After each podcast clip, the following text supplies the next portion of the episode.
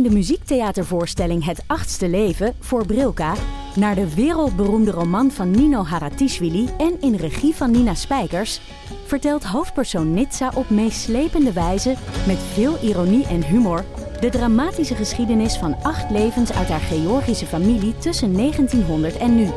Een hartverscheurend en tegelijk troostrijk drama verteld vanuit het perspectief van vrouwen uit verschillende generaties. Waarbij het publiek meegenomen wordt op een emotionele, visuele en muzikale reis door de 20ste eeuw. Koop je tickets voor het achtste leven via oostpol.nl. Hoe weet je eigenlijk of je kind goed kan zingen? Zijn er kinderen die wel zuiver zingen? Of heb ik toevallig kinderen die echt... Ja, dat is wel logisch. Is echt zo vals als een kraai zingen ze. Maar dat doen de ouders ook, dus dat zou heel logisch zijn. Maar ik vraag me af of er wel kinderen zijn die wel zuiver zingen. Ja, mijn dochter. Ja? Nee.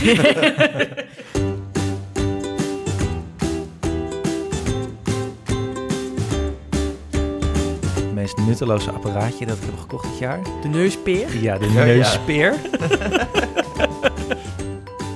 Dit is echt het grootste, en- het grootste en meest slepende leven wat ik heb gehad. Oh, ik wil dood. Hoi, ik ben Nienke de Jong, journalist en moeder van Janne van anderhalf. Met mijn vrienden Alex van der Hulst, vader van René van 5 en Jaren van 2 jaar, en Hanneke Hendricks, moeder van Alma van 1 jaar, praat ik in Ik Ken Iemand Die over onze avonturen als jonge ouder. We wisselen tips en trucs uit om onze kinderen zoet te houden. We delen onze ervaringen met het ouderschap en delen nog sterkere verhalen over andere ouders. Nou, ik vind het wel leuk als Hanneke het nog even over Kim Kutter gaat hebben. Muk Kutter. Ik vind dat echt een gemiste kans. Dat ze hem niet haar achternaam hebben gegeven.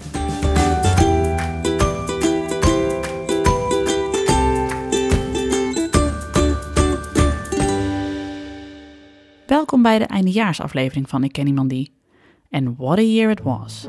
In februari namen we de eerste aflevering van deze podcast op en sindsdien zijn we niet meer gestopt met praten. We kregen tips over hoe je ervoor zorgt dat jouw kinderen wel eten. We leerden hoe je ervoor zorgt dat jouw kind wel doorslaapt. En we leerden hoe je ervoor zorgt dat enge mensen online niet met je kind aan de haal gaan. Voor mij persoonlijk is 2017 ook een jaar om niet snel te vergeten. Ik raakte zwanger van nummer 2, trouwde met de vader van mijn kinderen. Kortom, memorabel. En ik wilde ook graag van mijn vrienden Alex en Hanneke weten hoe hun jaar is geweest. Als jullie trouwens even iets anders willen drinken, dan... eh, ik heb hele sterke soort groene thee, want ik was vergeten de knop naar beneden te doen en er is koffie. Lekker. Gewoon zeggen. Doen we. Knipt Anne het er wel weer uit. We zitten vandaag in Berghaden, de nieuwe hometown van Hanneke. Zij is namelijk net verhuisd naar een huis zo groot, daar kunnen wij in de Randstad alleen maar van dromen. De woonkamer is zo enorm dat je warme koffie inschenkt in de keuken en wanneer je bij de bank bent aangekomen, je koffie alweer koud is geworden. Enfin, Alex, Anne en ik zijn door de extreme weersomstandigheden naar het dorp gereden. We hebben de waarschuwingen van Rijkswaterstaat schaterlachend in de wind geslagen. Want er moet gepodcast worden. Hanneke heeft warme chocolademelk gemaakt. Haar man Doris legt dochter Alma in bed. En wij kunnen praten. Heb je die kerstkransjes zelf gemaakt? Ja. Nee. Van de Albert Heijn. En niet de allergoedkoopste zijn. Goeie, Wel, nee. goeie Albert Heijn hier, of niet? Die hebben ze Niet toch? hier. Nee, hier zit een spar. Ik ben al lang blij dat er hier een eh, supermarkt zit. Maar dit heb ik wel bij de Albert Heijn gekocht in Druten. Dit keer hebben we geen gast. We wilden gewoon even met z'n vieren het jaar doornemen. Producer Anne, vader van Julius van anderhalf, heeft ook een microfoon. Vandaar dat je vier mensen hoort praten. We spreken over onze mooiste oudermomenten van 2017. Over de beste tips die we kregen en over alles wat we fout deden. Vooral over dat laatste, later meer. Ja, maar dat is misschien ook wel een, een goede om mee af te trappen. Hoe is, het, eh, hoe is het leven in een dorp? Ja, we wonen er nu net een paar weken. Ben ik al gewend. Ja, precies. Toen Alex hier aankwam, eh, vroeg iemand aan hem of hij al gewend was. Omdat, hij, omdat diegene dacht dat eh, Alex Doris was, In mijn het man. donker lijk ik wel. Ja, dus Ja. dacht ik gewoon... Een beetje een soort van krullenbaard. Ja, dokterstas bij. Ja. had, je, had je je dokterstas weer Ja, meegenomen, de Alex? stethoscoop van mijn dochter stak eruit. En toen zei hij, nee, ik kom alleen op bezoek. En toen zei wat zei zij, wat? Maar dat weet ik toch? Dat weet ik toch?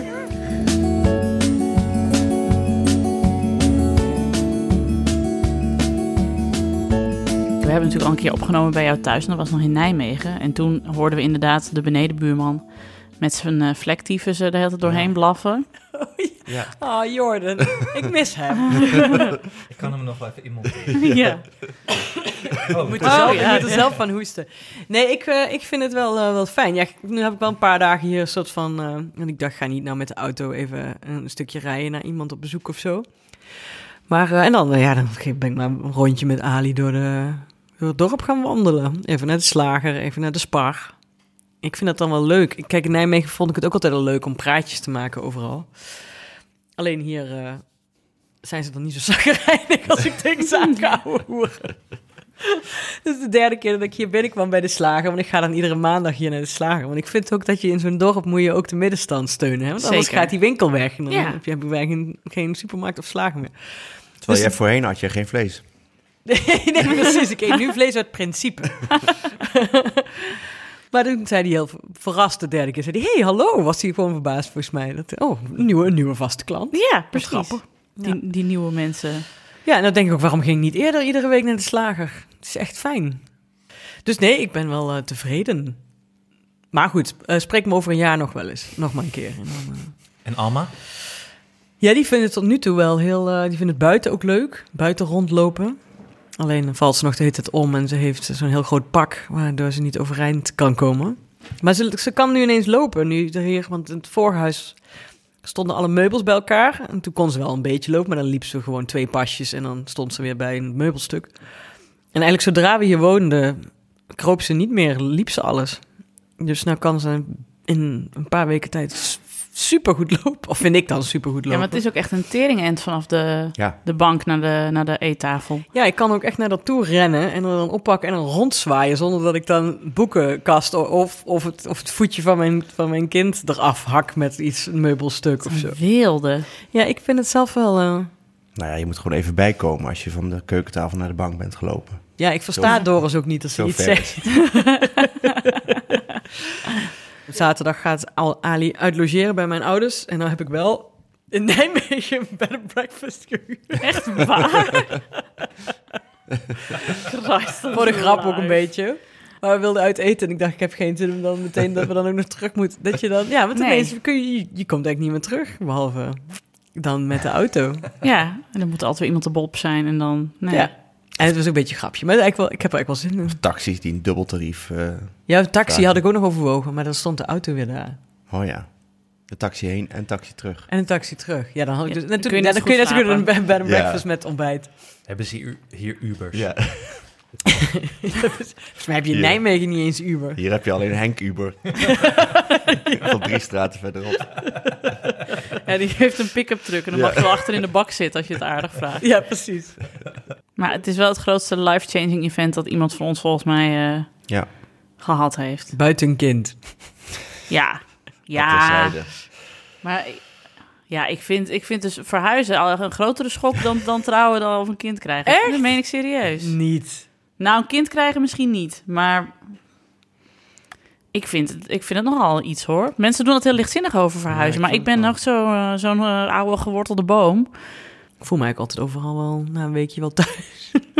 Ik ben ook verhuisd dit jaar. Hè? Ja, Ja. Maar ik herken wel wat je zegt, want Julius kon ineens ook allemaal dingen die hij ervoor nog niet kon in het oude huis. Jou buitensluiten op het balkon. Ja, dat was lullig. Ja. Hij heeft het inmiddels vier keer gedaan. Echt? Ja. Wat Zegt een- misschien ook iets over mijn lerende vermogen. Ja. Ja, ja, ja, ja, ja. Jouw geheugen. ik vraag me ook af hoe groot het balkon van jullie is. Echt een groot balkon. Dus dan sta je helemaal aan de andere kant van het balkon en dan doet hij snel de deur dicht. Ja, de onderste klink. En ik hoor het dan ook. Ah, ah, nee, niet weer. En dan gaat hij dus weer al mijn autootjes door het kattenluikje geven. Wel lief. Spelen. Dat het je echt al vier keer is gebeurd. Ja. Gelukkig was eh, mijn vriendin alle vierde keren thuis. Oké. Hoewel ze de vierde keer wel twijfelde of ze open zou doen. Ja, precies. Je moet nou een keer leren hoor. Precies. Om onze boterhammen door het kattenluikje te geven.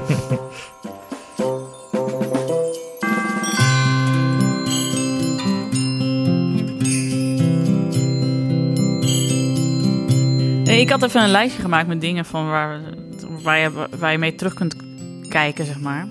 We hadden ook allemaal lijstjes kunnen maken. Ik weet dat Alex erg van lijstjes maken houdt. Maar dan vaak meer dan over albums, de beste albums van Oh, dit ja. jaar en zo. Maar Wat was jullie beste oudermoment van 2017? Wanneer dacht je echt van, nou, dit heb ik echt goed gedaan? Per ongeluk. Waarom lach je? Nou, gewoon omdat ik, ik heb daar, ik weet het, ik heb daar heel lang over nagedacht. En, en toen? Toen dacht ik, ja, nee. Misschien was verhuizen wel het beste oudermoment. Nou, wat bedoel je? Want wat ouder moment dat je jezelf een goede ouder voelt, of dat je het gewoon heel leuk vond voor een, voor een keer? Kan allebei. Grapje.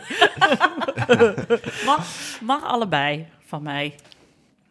Nou, ik zat wel van de zomer, dat, dat fietste ik eh, met Ali voor op de fiets en dan met zonnehoedje, ze hadden zonnehoedje op, weet je wel.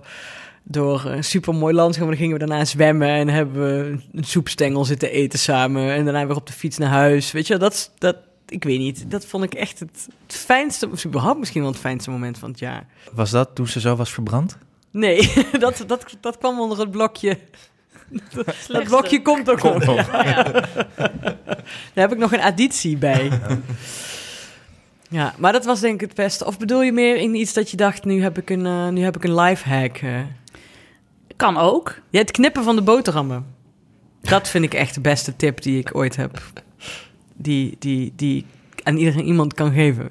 De knippen van boterhammen met pindakaas. Ja, dat je ze niet snijdt, maar dat je ze met de schaar knipt. Dat gaat vijf miljoen keer sneller, makkelijker en zonder dat je helemaal je handen Ja, onder... maar mijn lifehack is dan, eh, nu we toch in de libellen weten te tips zitten, is om gewoon een dubbele boterham en die dan in stukjes te snijden. Want dan heb je meteen twee plakken, twee stukjes bovenop elkaar. En dan Oh ja, hebben ze niet van die teringvingers. Nee, ik doe altijd dubbele.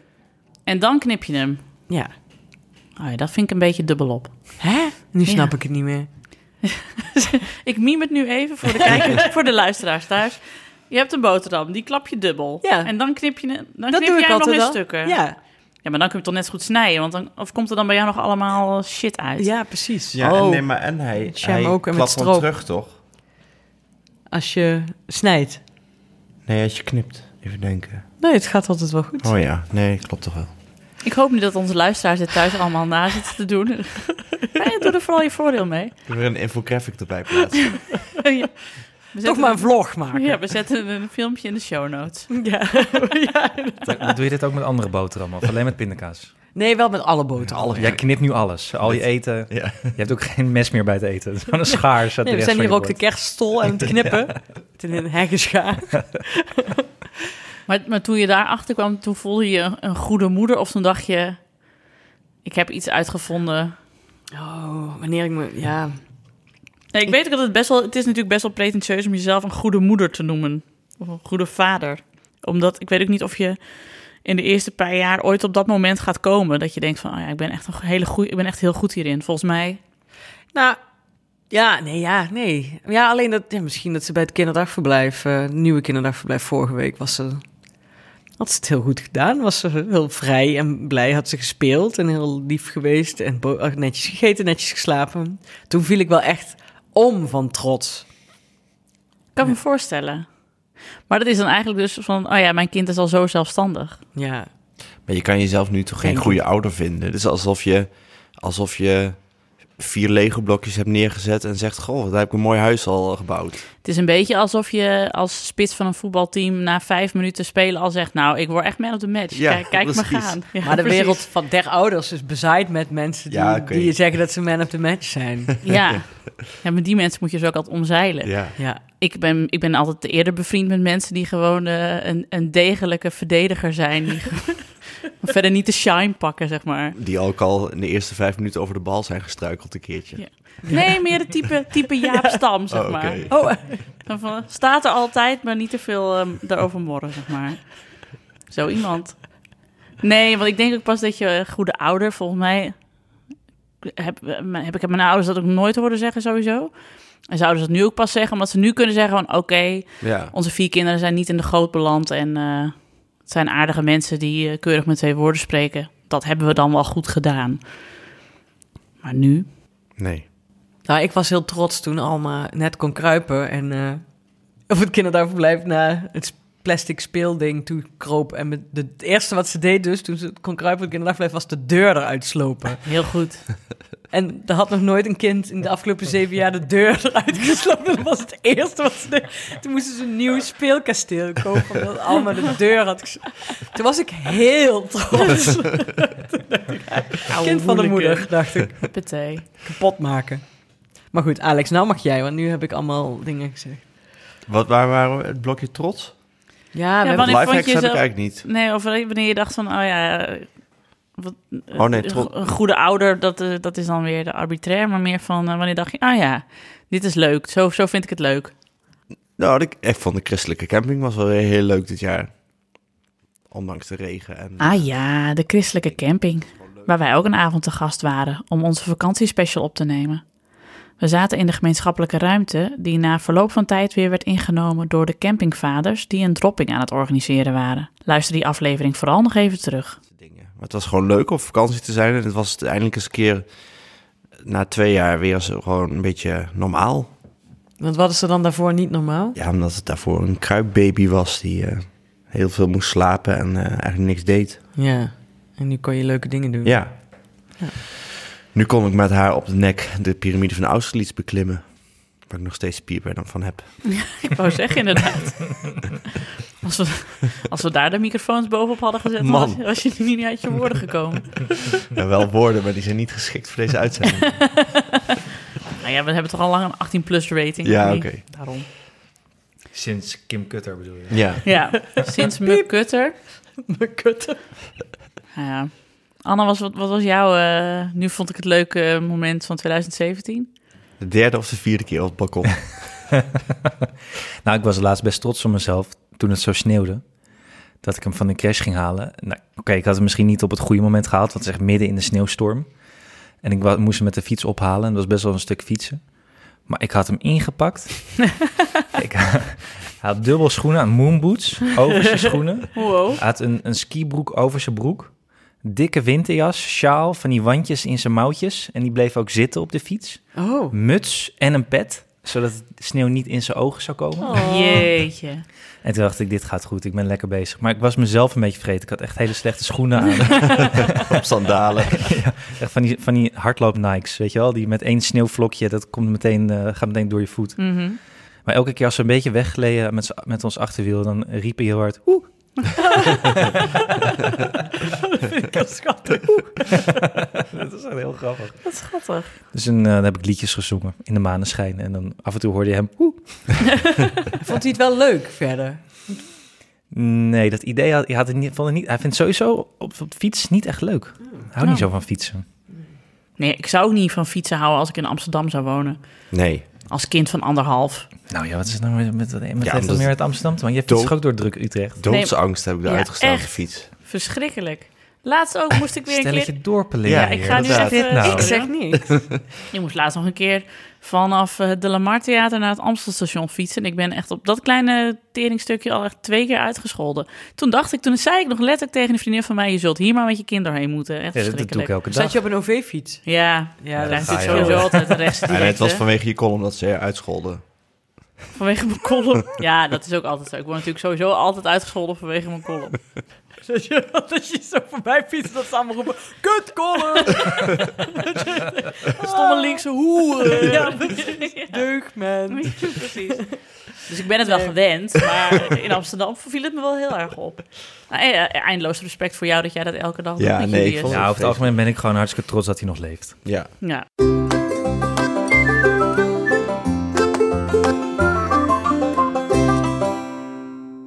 Nee, ik had trouwens wel iets bijzonders. Dat toen ik... ehm, mijn oudste dochter heeft een zwemdiploma gehaald. De zwemdiploma's Ah, A en B. En, ehm, maar ze was inmiddels ook zo, zo eh, eh, zichzelf in het eh, zwembad... dat ze van de hoge duikplank ging. wow. En toen was het iets heel bijzonders dat ik dus... Ik moest ook van haar. En eh, het was hetzelfde zwembad als waar ik vroeger als kind kwam. En toen vond ik het ook wel... eh, toen eh, vond ik wel een hoge, hoge duikplank, die hoge duikplank. En nu keek ik zo, dacht ik, oh, volgens mij is die lager gemaakt. Want hij was vroeger veel hoger. maar toen stond, ik dus, toen stond ik dus boven en toen was hij dus echt nog zo hoog als vroeger. Maar vond ik het veel enger dan vroeger. Dus eigenlijk durfde zij toen iets wat ik niet durfde. Ik ben zeer tegen mijn, eh, al mijn instincten in dat toch van afgesprongen. Ik vond het echt doodeng. Oh, dat vind ik echt heel ontroerend verhaal. Ja, ik heb toen een beetje in je zwembroek geplast. Ja, eigenlijk wel, ja. Wat goed. en was het heel- eng toen je eenmaal sprong? Ja, het was doodeng. En ook toen je eenmaal in het water lag toen? Nee, was- ja, toen was het, toen deed het even pijn. Want het doet best pijn als je zo hard neerkomt. Het was niet op mijn buik of zo, maar het is gewoon heel, heel hoog. Ja. Oh. Maar je dochter heeft jouw angsten overwonnen. Ja, dat is echt voor het eerst dat zij iets durfde wat ik niet durfde. Ah ja. Het was tot nu toe altijd onder- andersom. Ja. Ja, wat Ja. goed. Tough cookie dus. Wacht, wil iemand water? Want ik Ja. zit zelf... eh, Mag ik een bakje koffie van je? Dat wil ik ook. Je mag wel doorpraten, maar dan hoor je gerommel. Dat is toch altijd gezellig? We moeten toch altijd of een jankend kind of iets van gerommel met drank eh, op de achtergrond hebben. even afkloppen. Nou, dit gaat nog wel even duren, want Hanneke moet naar de kast lopen. Aan de andere, aan de andere kant van de kamer. Exact. Haar kast heeft een andere postcode dan dat eh, de keuken heeft. Net alsof ik echt in een villa woon. Het is een soort Soesdijk en Doris zit nou gewoon in de, in de, in de, de oostvleugel. Tussen zijn eh, ivoren eh, pandaatjes. ja, precies. En maîtresse te bellen. Nee. Drinkt iemand iets in de koffie? Nee. Nee. Volgens mij zei... eh was ooit eens een conferentie van Freek de Jonge. Die had ook zo'n verhaal over iemand met een heel groot huis. Zei, ja, als je dan een lekker band kreeg op de oprit... dan moet je met de bus terug naar huis. Dat hij nog goed, dat hij wel warm genoeg is. Je moet hem even kijken. Ik kwam er pas een paar jaar geleden achter dat vliezen of vlie, vliering zolder betekent. Nou, daar kom ik echt drie seconden geleden achter. Ja.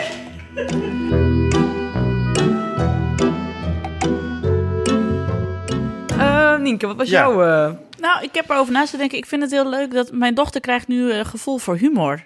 En dan ben ik zo trots als ze grapjes maakt. Of als ze grapjes snapt. Maar vooral als ze zelf grapjes maakt. Ja. En wat ze dan nu het allerleukst vindt is eh, zelf dingen verstoppen en ze dan zelf weer gaan zoeken. en het wordt een heel theaterstuk, want dan ze heeft zo'n eh, kikker en die kun je dan aanzetten, eh, gewoon kikker van die, van, de, van die boekjes. En zo'n plastic kikker. En dan zegt hij de hele tijd, eh, hallo, ik ben hier. Ja. Kun je me vinden? Oh. Super irritant. Net zoals je ook verstoppelnijntje hebt. Precies, verstopnijntje. Nou, zij heeft verstopt kikker. Die had ze eerst alleen maar bij opa en oma. En toen kreeg ze op Sinterklaas een cadeautje van Sinterbeppe, oftewel van mijn moeder. En zij was het aan het uitpakken, eh, Janne. En Tom en ik zagen nog niet wat het was. En toen hoorden we haar ineens, "Oh, kikker, kikker. Tom zo, oh, domme nee. Hoor. en dus, nou hebben we zelf ook een verstopkikker. Maar ja, ze weet zichzelf er ook prima mee te vermaken. Want dan zet ze hem dus ergens neer. En dan gaat ze midden in de kamer staan en zegt ze, waar is hij nou? Is hij nou? En dan trekt ze alle kussens omhoog. Nee. Nee, ook niet. Nee, nee. En dan vindt ze hem, ja, gevonden. En dan vind ik zo te gek. Dat ik denk, oh, je snapt al, dat, ja, dit vind jij grappig. Of zo. Of dit, en dan ben ik helemaal trots dat, je, dat- ze dat zelf heeft bedacht dat dat leuk is. Ja. Ja, wat goed. Of dat ze al s- snapt dat laatst toen eh, lagen we op bed. Zij ging bijna slapen en eh, ik was iets aan het opruimen of zo. Ze lag bij mij op het grote bed. En toen zei ik, krijg ik een kus van jou? Toen zei ze, nee. En ik zei, oh, dan krijg je er eentje van mij. En dan ging ik met haar stoeien. En dat ze dus op een gegeven moment, dus, dat ze na één keer ook snapte van... ik moet gewoon altijd nee zeggen, want dat is het leukste. dus dat dan ook echt met heel veel theater zo nee zei. Ik zo, nou kom ik je halen. Dat vind ik zo leuk. Dan ben ik helemaal trots. En ik had een grappig kind, heb ik. Ja, maar dit is gewoon een leuke leeftijd. Want wij hebben nou Mhm. gewoon kinderen die net zeg maar zo, zo anderhalf zijn zo'n beetje. En dan beginnen ze gewoon alles te kopiëren wat je doet. Wat ik heel leuk vind. Dat als ik dan nu naar haar knipoog, dan probeert ze het terug te doen. En dat vind ik ook echt fantastisch. Want dat ziet er dan ook uit alsof ze een soort van epileptische aanval krijgt. maar eh, Ja, bij haar is nog wel... Bij Ali is nog wel imiteren. Ook als we met z'n allen om iets moeten lachen, dan gaat ze ook vaak Ja. zo meelachen. Het was echt gewoon dat iedereen aan het lachen is. is ook wel gezellig. maar, maar zou jij jezelf al een goede ouder noemen, Anne? Oh nee, je zei net dat je blij bent dat je, zijn dat je er, hem in leven houdt. Maar Goeie ouder, nee. Nog niet. Nee, maar dat, opvoeden begint nu, hè? Dat vind ik toch wel moeilijk, merk ik. Om er echt consequent in te gaan zijn. Ja, eh, we hadden het hier in de auto over. Anne en ik zijn samen hier naar de Bergade gereden. En Anne heeft ook al, had ook al even bij eh, ons gegeten in Utrecht. En zag daar meteen, zeg maar, eh, hoe goede moeder ik ben. Janne kwam uit het KDV en die was echt doodmoe. Er was echt een land mee te bezeilen, maar er moest wel eten in. Toen hebben we gewoon Winnie de Pooh's Lollifanten op Netflix aangezet. En ondertussen, terwijl zij dus een soort van... Ja, half bewusteloos naar die film zat te kijken. Hebben we er gewoon een hele pasta in Hier, gedouwd. pasta. Terwijl als ik op feestjes sta, dan eh, kan ik ook nog wel zo'n moeder zijn die dan zegt... eh, Nee, niet te veel films, in ieder geval niet tijdens het eten. Het eten moet gewoon gezellig zijn, dan moet je gewoon met elkaar kunnen kletsen. Nou, ja. Ik vond het mooiste dat Janne yoghurt eet zonder te kijken naar de yoghurt en de lepel. Want Oog op Winnie de Poe. Ja, ja. En de yoghurt gaat ondertussen. Ja, ja. Hoppa, hoppa. Ja, echt, dat zit tot echt achter in de kruin. Heel, heel herkenbaar. Ja, Ja, maar volgens mij, ja, ik zet ook vaak toch de, de tv aan. Vooral als ze een beetje ziek is en niet graag wil eten. Dan leid je ze af inderdaad en dan gaat die boterham er wel in. ja. Ja, maar ik vind het ook bijvoorbeeld na zo'n KDV-dag, dan is ze zo kapot. Ja, dan eh, kan, ik, kan ik maken wat ik wil. Dan maakt niet uit wat ik heb gekookt. Terwijl ze, ze eet alles heus wel, maar dan gaat het er gewoon niet in. Is gewoon te moe om te eten, dus dan moet je er wel afleiden met iets. Maar wie is er nou, zijn er ouders echt consequent die niet geschift zijn? Het is onmogelijk toch om heel consequent, echt, ik bedoel, ik, zo consequent mogelijk. Sommige dingen mogen echt niet. Nee.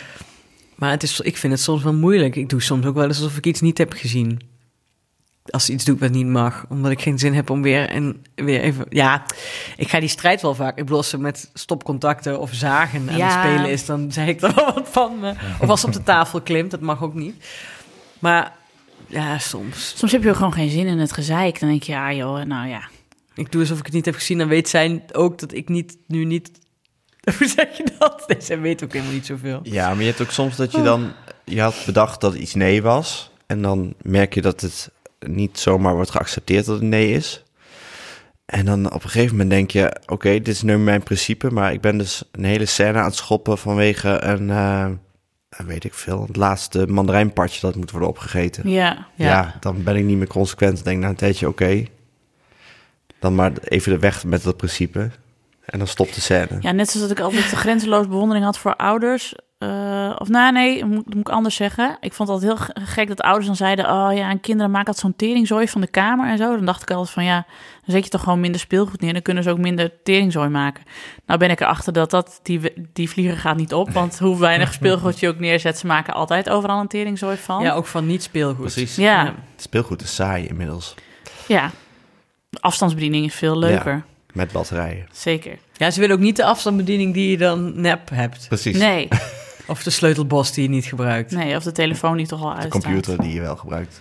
Waarom zijn sleutelbossen zo interessant? Het, het rammelt. Ja, Ja, maar als je dan een nep sleutelbos wil geven, nou, dat werkt niet. Het moet Nee. wel mijn sleutel, met het koord moet het zijn. Ik- Want die heb ik dan. Ik denk, omdat die af en toe worden afgepakt, omdat je ze echt nodig hebt als je bijvoorbeeld de auto moet starten. Weet je wel? Maar Julius verstopt het. Oh, wauw. Misschien moet je, dan kun je daar geen sleutelhanger aan hangen die zegt, hallo, hier ben ik. Hier ben ik. Kun je me vinden? Maar je kan ook niet consequent zijn. Je kan wel consequent zijn, maar dat is als je een hond opvoedt. Daar moest ik aan denken dat ik ken iemand die dat... die ooit een hond heel goed had afgericht... en had besloten, oh, dat ga ik met mijn kind ook doen. Toen zeiden we, ja, dat is toch iets anders eigenlijk. En? Nou, daar was hij inderdaad heel gauw achter dat het niet zo ging als met een hond. En wat ging er anders dan? Ja, dat is Ja. misschien een domme vraag, maar ik ben daar toch nieuwsgierig Nou, naar. Wat die- vond hij? Je kunt een baby nog geen rookworst voeren. Ja, dat. En die hond, die, die, heeft, die pakt het iets sneller op. Ja, en jouw hond sleur je ook heel makkelijk aan zijn halsband naar buiten. Ja. En mijn kind doe je dat toch anders. Ja. Hey, gaat met zo'n kind niet zo'n natte neuzenparcours lopen? Nee, ik heb soms wel zijn neiging om foei te roepen. Omdat wij hadden vroeger ook een hond thuis. En als die bijvoorbeeld op de tafel klom, dan riep je foei.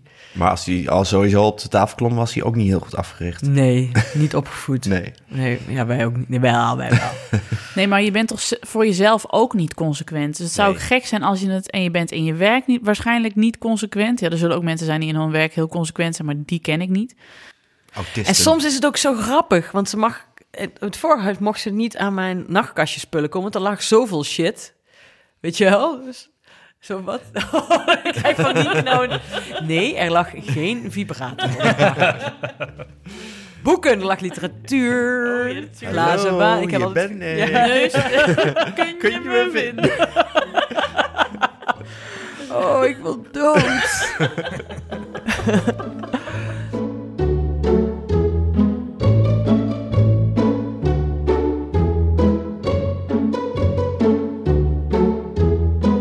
Heb wel een fout gemaakt. Ik heb in het begin, toen jullie schooiden met z'n eten, heb ik een paar keer heel hard gelachen. Oh. Ja, Ja, omdat ik ook echt heel erg grappig vond dat hij gewoon een aardappel naar de kat gooide. dat ook echt, dat echt hilarisch. Maar ik vind nu het allerleukst gooien met mijn iPhone. Oh, leuk. Ja, die is ook al stuk. Maar worden jullie wel eens boos? Want ik word wel eens boos Ik op word wel eens Ja. boos, ja. Ik ben boos. Ik zet er nu in, dat kan inmiddels, ik kan hem gewoon te gang zetten. Kun je even voordoen de hoe, hoe, hoe klink, Alex, hoe klink je als je Nee, boos bent? Dat kan niet. Nee? Want het is best ook gefrustreerd en, ehm, en ik vind mezelf ook niet leuk dan eigenlijk. Nee. Ik ben nooit net boos, ik ben wel echt, echt boos. Ja, ik ook. Maar de, ja, het heeft altijd wel een reden. Mhm. Wanneer ben jij boos dan op Janne? Ehm, als ze met eten gooit, want daar ben ik, heb ik dus echt een zero tolerance beleid. Want dat vind ik echt verschrikkelijk, want daarvoor sta ik niet in de keuken. En dan eh, doe ik precies hetzelfde als wat mijn moeder altijd deed. Dat vond ik vrij confronterend aan het afgelopen jaar. Want ik ben mijn moeder. Want ik pak haar zo bij de arm dan beet. En dan zeg ik ook in het Fries, tink erom. En Janne de Lauw, tink erom. En nou is het klaar. En dit vindt mama niet leuk. Dit vindt mama niet leuk ook echt, hè? Het is gewoon, dit vindt Nienke die ook niet leuk dit vindt mama niet leuk. En dan kijk ik er ook net zo fel aan als mijn moeder altijd bij mij deed. Dus dat ze weet van, hier zit geen drupspeling meer eh, tussen, zeg maar. En dat werkt wel. En zij kijkt mij dan terug, eh, kijkt mij dan aan met de blik die ik mijn moeder altijd gaf. Zo van, oh ja, zo een beetje. En wat zou je nu dan? Maar ze luistert wel, dus eh Dus wat deed je? Je pakt het bij de arm en zegt tink erom. tink erom, op zijn vries. Janne de Lauw, tink erom. Mijn moeder, die zei, eh, onze buurjongen, die zei vroeger ook altijd van... als je moeder met dubbele namen gaat strooien, dan weet je dat je echt in de moeilijkheden zit. En dat is bij ons thuis nu ook zo. Als ik Janne Pip de Lauw zeg, is het helemaal klaar. Oh, dat vind ik wel een goeie. Moet ik misschien ook gaan doen. Daarom ik hebben heb wij onze kinderen ook twee namen gegeven. Ja, dat is de enige reden, toch? ja, want dat- je ja. moet iets te schelden hebben, verdorie. En iets te roepen. Ja, ik heb hem vandaag, omdat jij, dat, jij zei dat pas, en toen dacht ik, hé. Hey. Dus ik heb hem vandaag ook gebruikt toen ze weer op de tafel wilde kruipen. Ja, Janne de Lauw. Janne, nee, ik zei Janne Pip. erom. Janne Pip te lauw, ja. Naast kleren. Nee, ik zei Anne Maria van den Burgt. Maar dat werkt, ja, volgens mij het- Ja, het is de Het beste reden. om Ja, te alleen doen. je moet wel, dan heb ik gemerkt, als ze wat ouder worden, eh, oppassen dat je niet in je boosheid iets, roep, iets straft waar je later zelf last van hebt. Zoals? Nou, dat, hebben we, dat, dat doe ik nog wel eens. Of mijn vriendin die zegt dan tegen eh, ehm, de oudste, die wil altijd afspreken naar school, hè, zoals al die kinderen willen. Wat dus ook betekent, als, als ze niet bij, bij ons afspreken, heb ik weer een middagje vrij. Ja, ideaal. Maar ja, dan kun je dus de vorige avond gezegd hebben, als, als ze heel stout was, je mag morgen niet afspreken. Ja, dat is En echt dan je baal je, ja. ingooien, zeg. Oh. Ah ja, dus je moet in ieder geval wel straffen bedenken waar je zelf, eh, die je zelf niet zo vervelend vindt. Precies. Wat ik het moeilijkste vind om consequent in te zijn, is eh, s ochtends vroeg. Want dan wil ik eigenlijk gewoon zelf nog slapen en ik ben niet op mijn best 's ochtends. Ik heb altijd even een paar minuten nodig om even bij zinnen te komen van... Oh, kak, hoe vroeg is het nou weer? En ik dacht dus, dus ik, heb een, eh, ik, heb een, ik, ken iemand die eh, een zoontje heeft van bijna een jaar. En die zegt, ja hoor eens, het is gewoon eh, voor zeven uur is het geen spreekuur. Dus eh, blijf maar liggen. En toen zeiden we al van, nou, dat gaat je echt niet lukken. Want als je kind gewoon alles bij elkaar jankt, dan ga je er heus wel naartoe. Ja. Nou, dat had ze inmiddels ook al een keer zo gehad. Zei ze, ja, inderdaad, dan heb ik, toen heb ik hem ook maar niet laten liggen. Maar eigenlijk wil ik dan zo'n moeder zijn die, Ja. die er dus of uitgaat met haar kind... of gewoon een heel verhaal ophangt met van... dan gaan we nou weer lekker slapen en dat zo'n kind dan braaf gaat slapen. Maar ik ben ook dikwijls de moeder die dan om kwart over zes zegt... hier heb je mijn iPhone met Netflix. Ik zet Winnie de Pooh's Lollifantenfilm nog een keer op. Want ik ben geestelijk nog niet toe aan... Hallo, hier ben ik. Kun je me vinden? Of andere soortige spelletjes. En ja, ik wilde gewoon niet uit. Ik vind het nog te koud. Nee, ja. Ja. Dat. Heb ik mezelf in teleurgesteld als moeder. Nou Ja. ja. Zo Dat be moet it. ook heel lang stil zijn. Ja. Zo. Ik denk dat er echt een minderheid is die daar zit eh, te, te knutselen 's ochtends om Nee, zondagochtend om half acht. Wij geven er niet eens een, een iPhone. Maar ze krijgt dan mijn oude Nokia som. Want dan, dan heb je fijn die knopjes die drukken. En ze gaat, zo, ze gaat dan... We hebben wat speelgoed op de slaapkamer van ons liggen, inderdaad. Oh ja. Of gewoon, ze gaat de kleerkast leeghalen. Vind ik dan ook prima. Ja. Want dan kun je tenminste nog even een beetje lezen. Maar we proberen wel er voor zeven uur er niet uit te halen. Maar ja, als ze om vijf uur gaat huilen, dat is anders dan dat ze om kwart over zes gaat huilen. Dan kun je wel even denken, het is nog geen zeven uur, weet je wel? Nee. Ja, je moet vaak, ik merkte laatst, je moet vaak de inschatting maken van, oké, is dit iets wat ik, eh, wat jij zegt, wat ik, eh, waar ze een, een half uur mee zoet mee zijn en ik het kan het kort opruimen. Ja. Of ben ik een half dag bezig om het te repareren? Dan moet je wel ingrijpen. ja. ja, dat zijn inderdaad Of exacte hoe lang, afwegingen hoe die lang je moet maakt. ik dit allemaal schoonmaken als dit allemaal op de grond is gesmeten? Moet ik nou moet ik straks meteen naar werkspot.nl Ja. om dit op te lossen? En Julius heeft een keer de spijlen in zijn bed eraf getrapt. Toen ik niet naar zijn bed wilde komen. En toen is hij dus ontsnapt uit zijn bed. En stond hij ineens naast ons bed. Escape from Alcatraz. Ik heb dat Hallo. vannacht... Wauw, ik Hallo. heb het gedroomd namelijk vannacht dat Alma ineens naast ons bed stond. Omdat ze het bed had stuk gemaakt, maar hij, Het hij kan. heeft het echt Ja, gedaan. het kan. Oh Ja. jee. Ja, want door de verhuizing was dat bed, ik weet niet, het was een beetje stuk gaan. Dus die spijlen zaten niet meer zo strak als het eigenlijk hoort. Dat heeft hij gewoon uitgetrapt. Wauw. En toen had hij drie spijlen eruit en is hij tussenheen, eh er tussendoor gegaan. Het is wel een, Geklommen. ik, op een of andere manier is het ook een geruststellend idee dat je kind dat kan. Ja, Dat hij zichzelf dus trots. kan bevrijden ja. uit dat bed. Ik zei tegen mijn vriendin, moet je kijken, moet je kijken. Je staat hier gewoon. Ik ken ook iemand die heeft dat, had dat met zijn middelste zoon. Vertelde hij dan ook wel dat hij... Die hadden ook zo'n zo'n eh, cameraatje op de babyfoon zitten. eh, gericht op zijn bedje. En als ze hem s'avonds in bed hadden gelegd... dan zagen ze ook gewoon dus op camera... hoe hij dan weer zijn bed uitklom. En dan aan de deurklink ging staan eh, schreeuwen. Maar dat hij ook zei van ja... Je, dacht, oh nee, ga nou gewoon slapen. Maar aan de andere kant was, je ook, was ik ook trots. Kijk hem nou eens even... MacGyverend, zeg maar, zijn weg naar buiten vinden. Maar dat is eigenlijk toch ook precies wat, tenminste, dat, dat is wat ik afgelopen weken aan denken was. Wat precies wat het ouderschap is, is dat je de hele tijd heen en weer geslingerd wordt tussen dat je denkt, oh mijn god, nee. En dat je, of iets van trots, of dat je medelijden, of eh, compassie, of liefde, of weet ik veel. Want vannacht was ze ook aan het huilen en doen. En ik was op een gegeven moment zo kwaad, weet je wel. Ik dacht, vreselijk, zei ik door. Ik haat dit, ik haat het leven, ik haat het leven, ik haat het leven. Ze zakt er mij en ik ga er niet weer, want ik was aan de beurt. Maak ik, maak ik hem alsnog wakker, hè? Weet je ik haat dit, ik doe het niet, ik doe het niet, ik blijf liggen. Ze zakt er maar, ze gaan maar slapen. Het kalft al af, noem ik het altijd. Afkalvend huilen en op, optrekkend huilen, zeg maar. Hè? Dat zijn grote verschillen. Maar op een gegeven moment toch maar op, natuurlijk opgestaan. Want het, eh, het, was, het ging eh, nog eventjes door. En, eh, en dan, zodra ik eruit bed, voor die deur open doe en ik zie dat kopje dan zo boven het bed uitsteken, dan is al die woede weg. Ja, dat is het stomme. Het slaat nergens op, echt Nee. met een... Ja, ik weet niet precies. En ik denk, oh, kom maar hier. Oh, scheu, scheu. Weet je, wil ik eigenlijk streng doen. Ja, Maar Maar dat is ook nadat het boos zijn geweest, dan... Ik heb het altijd idee dat mijn ouders veel langer boos bleven. Maar ik kan niet zo lang boos blijven. Dus dan ben ik heel boos geweest. En heb ze toegesproken. Dan moet het toch ook gewoon klaar zijn? Dan kun je Ja, dan niet langer... ben ik na vijf minuten ben ik ook wel weer... moet ik heel hard lachen om iets of zo. Ja, maar je hebt geen relatie met elkaar dat je een hele dag moet gaan zwijgen om je punt te maken. Nee, maar ja, als, als ze echt iets groots kapot hebben gemaakt... dan zeg ik, maar ik ben nog wel boos, eigenlijk. Maar kom maar even hier knuffelen hoor. Oh. Wat, wat is de beste tip die jullie het afgelopen jaar hebben gekregen op, eh, op ouderschapsgebied? Mijn tip was om eens in de week samen te eten. Dat vind ik een hele goede tip. Ja, Dus na de kind, nadat de kinderen naar bed zijn, dan te eten. Oh, met z'n tweeën te Ja. eten. Eventueel gewoon eten te laten komen. Of zelf iets eh, maken. Ja, maar met twee kinderen is dat natuurlijk nog veel gecompliceerder dan met één kind. Het is een, eh, het is een tour of duty, is het. Elke maaltijd. hoe ging zit- dat liedje ook We zetten Painted Black op als we gaan eten. Black, ja. Ik doe de camouflage op en dan, eh, dan gaan we eten. De camouflage op, dat is gewoon zo twee, eh, twee handen spinazie, Ja, saus van de precies. pasta zo onder je ogen. ja. Dan zien we er uiteindelijk allemaal hetzelfde uit. Ja, na de maaltijd. Ja, nee, dat is echt, eh, dat is vreselijk. Of eh, vreselijk, dat is echt eh, heel vermoeiend het eten met een zesjarige en een tweejarige. De zesjarige lust niks meer en die, die ligt dramatisch als een soort stervende opera diva over een bank. Over hoe vreselijk het is vanwege die twee bonen die ze nu op haar zesde moet eten. Hoe oneerlijk het leven Ja. is voor haar en Ja. hoe zwaar, ja.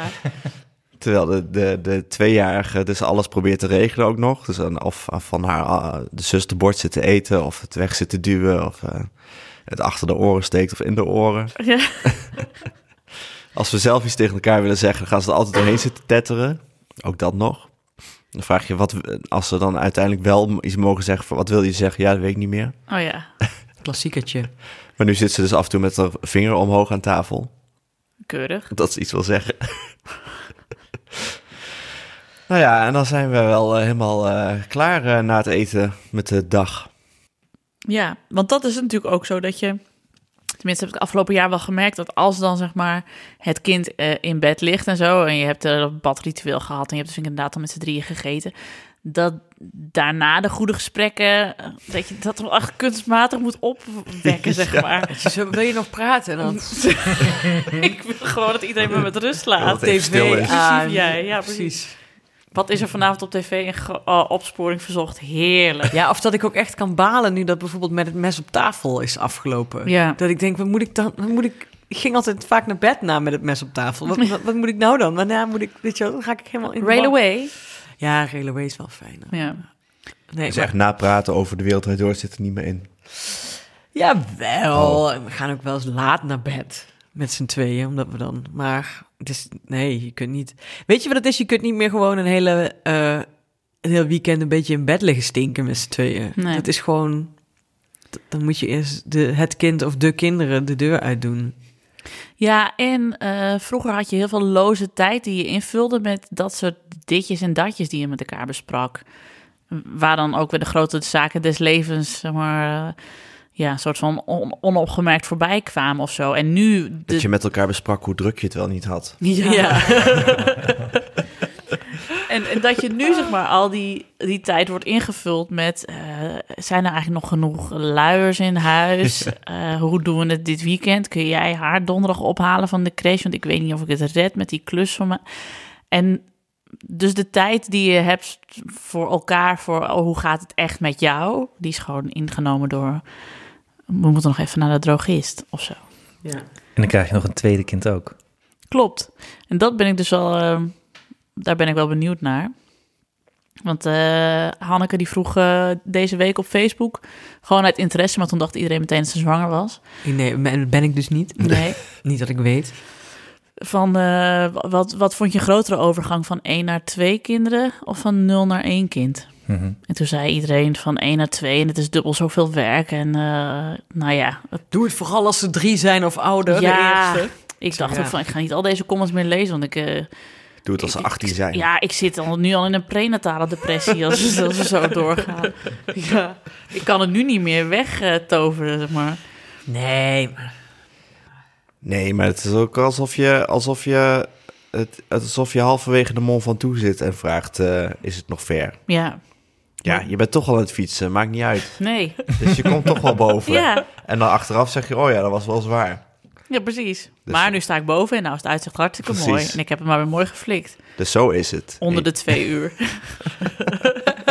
ja, toch? ja. Ja, en het is natuurlijk ook zo dat eh, als zeg maar één kind heel erg verschrikkelijk zou zijn, waarom beginnen dan zoveel mensen aan een tweede? Denk ik altijd maar. Dat is meer voor de mensen die nog aan kinderen moeten beginnen en denken van ja, is het eigenlijk leuk een kind? Ja, bedoel, als je ziet dat hoeveel mensen er wel twee of drie kinderen krijgen, blijkbaar is er wel iets leuk aan kinderen. ja, en je leven is toch al voorbij als je er Ja. één hebt. En je hebt het maar vast gehad. Ja, en dan heb je ze straks samen, zeg maar, in de, ongeveer in dezelfde leeftijd. En dan, eh, Ja, nee, want ik, nee, maar dat meen ik trouwens ook. Want ik bedoel, we willen, ik wil misschien ook, als het, hè, als het ons gegeven is, eh, ook nog, een- als het boek drie eindelijk een keer af is, eens kijken. Nou ja, laat maar. Deo Volente, ik ben altijd bang dat alles... inshallah. precies. Inshallah. IJs en wederdienende. Ja. Maar, maar ik was zelf namelijk dol op mijn broers. En ik weet niet, het is toch fijn als je een soort bondgenoot hebt in je gezin. Dat, was dat vind ik toch echt belangrijk. het woord wat ik wilde zeggen. Oh, echt? Een Ja. bondgenoot, ja. Ja. want anders heb je maar... Ja, ik weet niet. Dan heb je iemand die hetzelfde is als jij. Niet hetzelfde, maar dezelfde rol heeft een Ja. beetje in huis. Dat is volgens mij heel gezond. Het is, maar het is ook gewoon als ouder superleuk, die twee. Alleen soms ook niet. Maar ja, Net als het leven zelf. ja maar net, net als met één. Dus ja.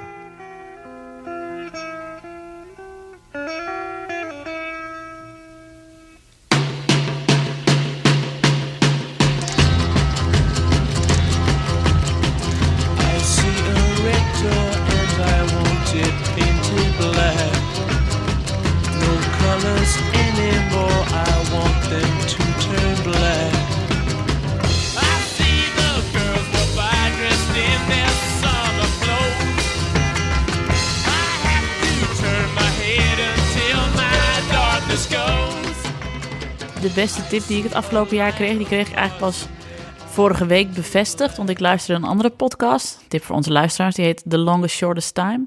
Over, eh, ook over opvoeden en zo. Dat is een Amerikaanse podcast. En er was een relatietherapeut in te gast.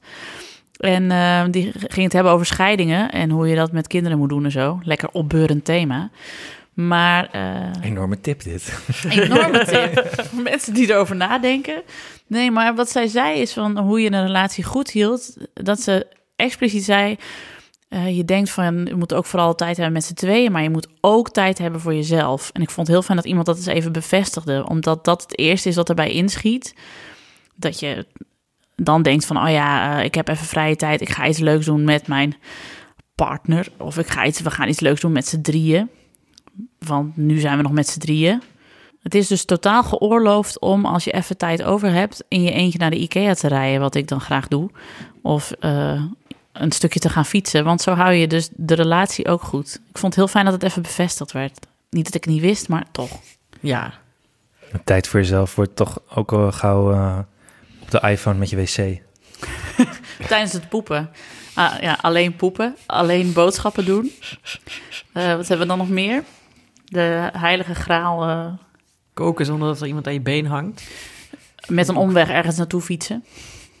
En niet heel snel, omdat je weer ergens nog, nog sneller moet zijn. Ergens in een cafeetje even koffie drinken zonder dat je met iemand hebt afgesproken of dat je nog moet werken of zo. Gewoon met de krant. Ja. Ah, maar dat soort kleine dingen. Dus Iedereen kijkt elkaar nou heel vermoeid, ook heel erg. Zo alsof het over... Een kwartier naar een muur staren. Mensen gaan soms ook ineens hardlopen. Ja, dat- maar daar hadden we het dus gisteren over. Dat moet je niet doen. Nee, ga je kapot van. Nee, dat niet. Wel. Je- nee, je moet... Verkeerde je moet, hobby. Ja, je moet, een, Hartstikke slecht. je moet een hobby kiezen waar je veel langer weg, weg kan zijn. Alleen... Oh shit, ik heb bij Runnersworld gewerkt. Dit moet ik misschien...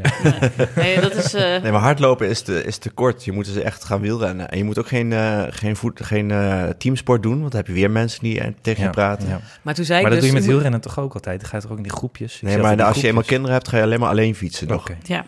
Terwijl je telefoon eh, op nog 1% batterij heeft. Maar dan ga je dan- gewoon vier uur fietsen. Ja, of precies. zo. ja, verdwalen. Maar je kunt dus beter romanschrijver worden. Oh ja, Zoals ik. Roman, ik ben romancier. Oh, nee, zo bedoel ik het niet. auteur. Maar dan, ja, dan kun je wel af en toe tien dagen weg. Ja. Dan ga ik op de bank liggen. Nee, nee, dan ga ik wel echt in mijn boek werken. Voor de maar dan, kunst. dan ben je wel s'avonds alleen. Dat is soms ook lekker hoor. Maar na tien dagen wil je dan ook echt naar huis. Dat is ook heel fijn. Je hebt toch ook wel eens eerder afgebroken, die tien dagen? Was je weer toch weer teruggegaan? Nee, ik ben toen tien dagen geweest en ik zou eigenlijk veertien dagen Oh, ja. blijven.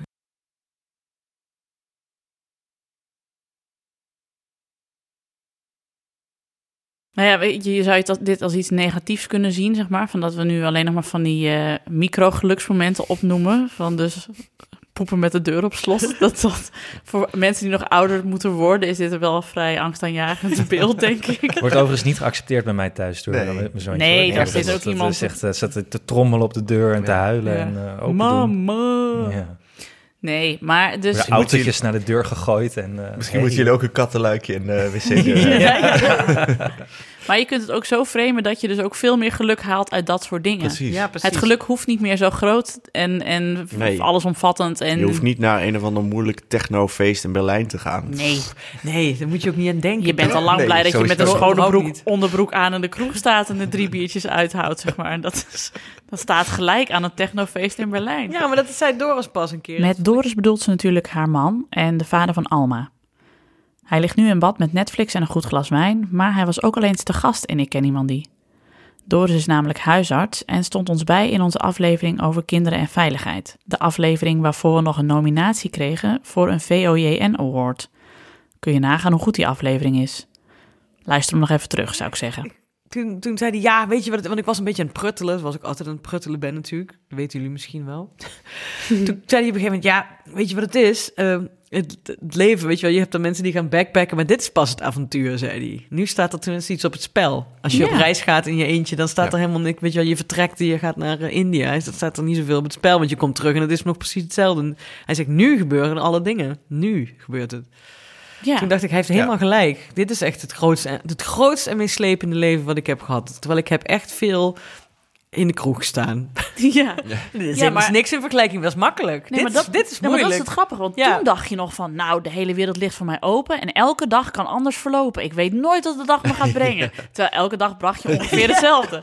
En nu weet je echt niet wat de dag je gaat brengen. En dat is het wonderlijke. En echt elke dag gaat het inderdaad ook anders. Dan denk ik, ik doe vandaag precies hetzelfde, want dan gaat het tenminste goed. En dat lukt dan nooit, want Nee. alles gaat anders. Ja, het is ja, inderdaad... en dat is toch ook echt de mensen die, die ik heb echt niet, ik heb ehm, meer bewondering, of ik, ik vind, er wordt dan wel gezegd van, nou, nou die, ik ben, die is dan in zijn eentje, is door eh, Venezuela gefietst, wat een, eh, wat een avonturier en wat een lef. Dan denk ik, nou, ik vind die, die ene, dat ene meisje dat ik ken dat in er eentje een kind opvoedt, dat vind ik nou de echte Ja. lef, go- eh, niet gozer, maar dat is het echte lef. Ja, maar dat zeggen wij ook altijd tegen elkaar eh, als we... pff, dat je denkt om, om zes uur 's avonds van... nou ja, over een uur ligt ze in bed. Best lekker, als het een lange dag is geweest. Mhm. Dat we dan ook heel vaak tegen elkaar zeggen van... eh, ik heb één vriendin die het in de eentje doet inderdaad. Van nou, ik, eh, ik zou op dit moment niet met, met Manon willen ruilen. Terwijl Nee. die dus ook super gelukkig is. Ja, ja, ja. Dus dat is maar net wat je gewend bent. Maar ik vind inderdaad... ik heb veel meer bewondering voor mensen die, die dat kunnen dan... inderdaad, ik heb de hele Trans-Siberische spoorlijn geveegd. Nee, dat doen ze niet. Geveegd? Hè? Die zag ik even niet aankomen. ik wil iets heel extreems zeggen, maar... Een soort rail away was dit. Een speciale aflevering. Ja, Met een een special veegtrein. toen ze 25 jaar. Stop, Precies. Dan knip dit er maar weer uit. Dit vind ik wel leuk, dit. Ja.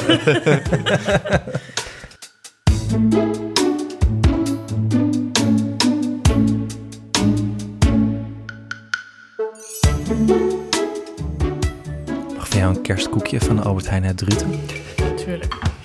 Wat is Dat- Ze zijn nog niet genomen volgens mij, Volgens mij toch? is- Ja, ik heb er gehad die met niet? het, kra- het kraakt heel erg. Kijk, Ik neem er dan ook wel al een halve kerstel op. Ja, als er iemand wil. Want ik, ik, jij hebt steeds de randjes zo opgegeven. Ik eet dan, ik ben dan, ik denk niet na. Ik snij dan gewoon de spijs eruit en laat ik de rest liggen. En ook niet opgevoed volgens mij. Heb je ook een groenteboer of alleen een slager? Eet jullie alleen nog maar vlees? Nee, Nee, we hebben een slager die ook, die ook brood verkoopt van een bakkerij in een, van een dorp verderop. En we hebben een supermarktje. En die hebben ook groenten. Ondertussen eten we kerstkrantjes. Maar, wat wou je zeggen? Koop je niet direct bij de boer hier? Kan ook nog natuurlijk. Je hebt wel de kaasboerderij hier in de buurt. Ja, dus dat is de oom van. Ja, precies. Dat is een hele lekkere Daar gaan we heel vaak heen. Ja. Ja. Maar ehm, nee, je hebt toch ook wel een soort eh boerenbondachtig iets, of niet? Ja, die moet ik eigenlijk nog ontdekken, want ik moet, ik moet de sneeuwscherp, ja. Je zult zien als ik die koop. Of een blok of een kruidvat? Waarom het nou ook echt zo erg gesneeuwd heeft, hè? Ik stond dus vorige week in een tweedehands winkel en daar stonden echt iets van 100 sledes. Ook een hele mooie houten voor echt 7 euro. Toen dacht ik, nee, gaat toch niet sneeuwen. Nee. Als ik die had gekocht, dan had niet het hele land plat gelegen. Want dan had het niet gesneeuwd. Nee. Dus het is mijn schuld, sorry. Nee, voor maar- iedereen die nu op vakantie komt. Nee, maar dat had, was ook gebeurd als ik dit jaar wel winterballen had genomen. Was het- dan was het ook niet gaan sneeuwen. Ja, nou, dat is exact. Want wij hebben ook echt sinds ja, voor het eerst dit jaar nu nog de winterbanden er nog niet op. Want we hebben een nieuwe auto en zie, Heb ik net met jou hier naartoe gereden zonder winterbanden? klopt. Lees. Avontuurlijk, hè? Die moet mijn vriendin niet horen. Wat is je slechtste tip? Slechtste. Oh, ik dacht het slechtste wat je het slechtst hebt gedaan. Of komt dat nog? Ja, je moet nog vertellen over het... Maar je hebt al een keer ver- verteld over dat, dat allemaal was verbrand op de fiets. Ja, maar ik heb er dus ook laten bevriezen. Nou, dan doen we nou even een rondje. Wat is het slechtste dat je dit jaar hebt gedaan? D- Dit, is, dit was de toevoeging. Ja, want toen zette ik haar op de fiets, zoals ik altijd doe. Ik had er wel dik de jas en een muts opgedaan. En eh, toen gingen we naar een dorp verderop fietsen. Acht kilometer, maar dat is een half uurtje fietsen. Vind ik niet zo lang. En eh, de heenweg vond ze nog prima, want de zonnetje scheen. Dat is twee weken geleden, denk ik. En eh, de terugweg zakte de zon net. En toen eh, ging ze huilen. Op een gegeven moment ging ze huilen, huilen. En toen had ze alleen een majootje natuurlijk aan. Maar het was natuurlijk veel te koud. Maar ik had er helemaal niet bij stilgestaan. Want normaal kon dat eigenlijk prima. Want het was nog helemaal niet zo koud geweest. En toen heb ik er echt, heeft ze echt, wat, denk ik wel drie kwartier binnen hier bij me. Ze hield wel gelukkig meteen op met huilen zodra we de woonkamer binnenstapten. Maar toen heb ik echt op, zoals- heeft ze mij op schoot zo met een dekentje zo tegen me aangezeten. Terwijl normaal wil ze altijd spelen en doen. Toen dacht ik, shit, dit is hetzelfde als met die zonnebrand. Dat ik eh, dus niet dacht dat je eraan dacht dat je dat moest doen. En toen heb ik dus maar de dag daarna meteen een skipak gekocht. Bij de tweedehandswinkel. Maar eigenlijk, ik vind dit wel... Misschien was dit toch wel goed, hoor. Want mijn oudste, die heb ik best veel, hebben we best veel op de fiets gezeten. Maar ook omdat ze gewoon heel koppig weigerden om handschoenen aan te doen. Dat ze af en toe met blauwe vingertjes bij het kinderdagverblijf aankwam. Maar die is nu, kan nu zo goed tegen kou. Dat vind ik zo fijn. Terwijl ik andere kinderen naar, huilend naar school zie fietsen omdat het weer te koud is. Hmm. Zij heeft nooit last van kou. Jullie plannen nu een carrière voor haar eh, als... eh, Als de nieuwe Wim Hof. De ijsroemen. Ja. Uitvoeren en dan van een hoog, dan met duiken. Ja, in een ijsbak. dat jij er dan heel veel geld mee verdient. Ja. Dat is natuurlijk wel de bedoeling, hè? Ja, misschien Nee, maar ik denk dat je daar beter... eh, kijk, verbranden is wel echt verbranden. Maar dat ze goed aan de kou leert wennen is misschien wel goed. Ja, maar ik En vond het zo zielig. Ja, maar ze hebben allemaal vetjes. Dat is toch niet... Die kan toch niet zo heel erg veel kou. Steenkoude beentjes. Ja. Nee, ja, ze wil ook geen handschoenen. Nee, maar je moet het ook allemaal één keer meemaken. Want ik dacht dan inderdaad op een gegeven moment ook van... oh ja, zij beweegt haar benen natuurlijk niet. Ik trap mijn benen warm en zij doet dat niet. Ja, precies. Dat vergeet je gewoon. Ja, wanneer, was, wanneer zat je zelf voor het laatst eh, voor op een fiets? was ook altijd verschrikkelijk koud. Of tenminste achter op de fiets, dan weet ik nog, als kind. Ja, dan drukte je het toch ook altijd helemaal tegen je moeder dan wel vader aan... om een Ja. beetje lichaamswarmte erbij te krijgen. En over 15 jaar moet ze de hele nacht op vastelavond in een pekske buiten staan, toch? Precies. Ja, maar dan drinkt ze toch ook. Oh ja. Man, jong. ja, daar moeten we ook nog maar een aflevering over maken ooit. Maar goed. Nou ja, als er hier carnaval is. Carnavalskinderen. Ik ga hier geen carnaval vieren. Nee, dan maar er is hier wel carnaval. Ja, nee. Ja, dat doet ze dan leuk aan mee, maar... nee, dit is geen carnaval. Ik vind mezelf nu, ik vond mijn afgelopen week vond ik mezelf wel slecht, omdat Janne die klimt nou overal op of zo en wil ook overal allemaal weer van af. En ik ben een beetje van de stijl van, ja, je mag het wel proberen, maar als je er afvalt, eh, dan is dat eh, zo, zeg maar. Ja, dan weet je ook hoe dat voelt. Niet van extreme hoogtes hoor, maar... En als ze het trapje oploopt, dan loop ik er wel achter. Maar dat ze laatst... Tom stond onder de douche en ik zou hem even aflossen. En toen wilde zij op het bed spelen. En toen zei ik, je mag wel op het bed spelen. Maar ik ga nu douchen. Dus ja, en ik dacht van, ik denk wel dat ze er zelf van af kan. En toen kwam ik in de douche. Tom zei, waar is Janne dan? Ja, die, die zit boven op het bed. Ja, maar daar kan ze toch niet vanaf? Ik zo, nee, maar we kijken wat ze doet. We zien wel hoe ze dit oplost. En toen stond, was Tom dus echt drie seconden onder de douche vandaan. En toen hoorde hij echt zo bonk, keihard janken. En dat ook echt zo'n vloek uit zijn mond. Echt zo, jezus, die jongen. Dat had je toch kunnen voorzien. En ze, eh, ze keek me ook heel kwaad aan van waarom, waarom liet je me nou zo alleen achter? Ja, maar ze moeten er toch een paar ke- keer af... Ik denk bij... Op het stopcontact? Deze keer niet op de stekkerdoos. Ken je deze jongen nog? Ja. ja, precies. Aflevering 1, 1, 1 zo'n beetje. ja. Ik kreeg vandaag wel een goede tip van de, de oudste kinderleidster, die ook echt, ja, ze is 64 nu. En mijn dochter was vandaag, eh ze was echt al heel lang, had ze geen bloedlip meer gehad, maar vandaag wel weer op het kinderdagverblijf, want ze was tegen het keukentje aangelopen. En eh, dus had ze een eh, hele, hele dikke lip. Maar toen zei de kinderleidster, ja, ik was er nog snel, had ik, was ik met een, eh ze had dus wel bloed gehad, met een rood washandje had ik gedept. Want ze schrikken op een gegeven moment heel erg van bloed. Oh ja. En dan moet je een rood washandje hebben. Oh, wat een goede tip. Ja. Oh, Ja. dat is echt heel Zie ze er niks van? Ja. Oh, Ja, dat wist ik ook niet. Ja, nou, nou mijn dochter maakt, omdat ze al zo vaak bloedlip heeft, maakt het geen bal uit. Maar Nee. als je een kind hebt die ba- bang is van bloed, moet je gewoon rode washandjes eh, Oh, in de buurt goed. hebben. Ja. Dat zouden ze ziekenhuis ook gewoon moeten hebben. ja. Rood alles rood. Ja, Alles rood gewoon. Rode bedden. Rode muren. Ja. Oh, wat een goeie. Ja, vond ik Maar ook zo, wel. ja. Heb je Oh. nog meer van die parenting fails, zeg maar? Veels. Nou ja, Ja. ik heb dus dit jaar bij de, eerste, de huisartspost gezeten, omdat het eh, armpje uit de kom was. Of de elleboog uit de kom. Elleboog. Het zondagsarmpje Ja. hadden. Omdat Oh ze- ja. ik haar aan de hand had, vast had en zij viel. En toen ging het elleboogje uit de kom. Dat Maar komt hoe kan dat? Omdat je er vast had. Ja, dan Ja. krijg je dan omhoog of zo. zo. eh, Nou, nee, zij viel. Dus ik, eh, ze, ja, het gewoon was een grote schok aan de arm. En dan trek, dan, als het een beetje bewegelijk is, trek je de arm, elleboog uit de kom. En ze noemen het een zondagsarmpje, omdat heel veel kinderen het op zondag krijgen, omdat ze dan zo heen en weer gejonast worden door hun ouders. Ah, ja. Door die ene oom. Ja, Ja, ja, ja. Enig grapje als door Die ene, zo. Die ene oom zonder kinderen. die je, dan, die je daarvoor dan net eh, aan je enkels eh, boven de vijver hield, Ja, zeg maar. En Ja. die, eh, en die artsen die vinden het op zich een heel leuk klusje. Want die kunnen dus heel makkelijk een, eh, een on, on, on, eh, onheil verhelpen door zo terug te duwen. En dan is Ja. de pijn ook weg. En vindt het kind alles weer best. Ja, het is zo'n techniek. Dat, Ja, dat is dan, lijkt me ook heerlijk als je dat dan kan. Dat Ja. je denkt, ha, ik mag hop, weer even. klaar. Knok. Nee, ik heb haar pas ook op het... eh, want ik gooi er altijd op bed. Vindt ze heel leuk. Toen En lag er een stekkerdoos. Toen lag er zeker dus nee. Toen had ze beets op de tong. Oh ja. Want Voorheen had ze natuurlijk Ja. nog geen tanden. Dus nou doe ik nou ook maar niet meer. Ik ook dacht, jezus, ik schrok me kapot en ook allemaal bloed. Ja. Maar ze was er zelf eigenlijk binnen echt net zo snel overheen als dat ze over gewoon vallen heen is. Nee, dan wordt later pas eh, wordt dat vervelend. Want dan weet ze dat het vies smaakt en dan wordt er een drama van gemaakt en zo. Ja. Ja, het is bijna een jaar geleden, want het was tien voor twaalf op oudjaarsavond. Dat eh, mijn vriend tegen me had gezegd, ja, Julius kan nu eh, draaien en bewegen, dus je kan hem niet meer op bed alleen achterlaten. En dat ik ook dacht van, nou, zo vaart zou het er niet lopen. en dat ik even was weggelopen om de oliebollen te halen. Tien voor twaalf en ik hoorde boem. Dus ik, eh, mijn vriendin en ik zijn ruziend het nieuwe jaar in.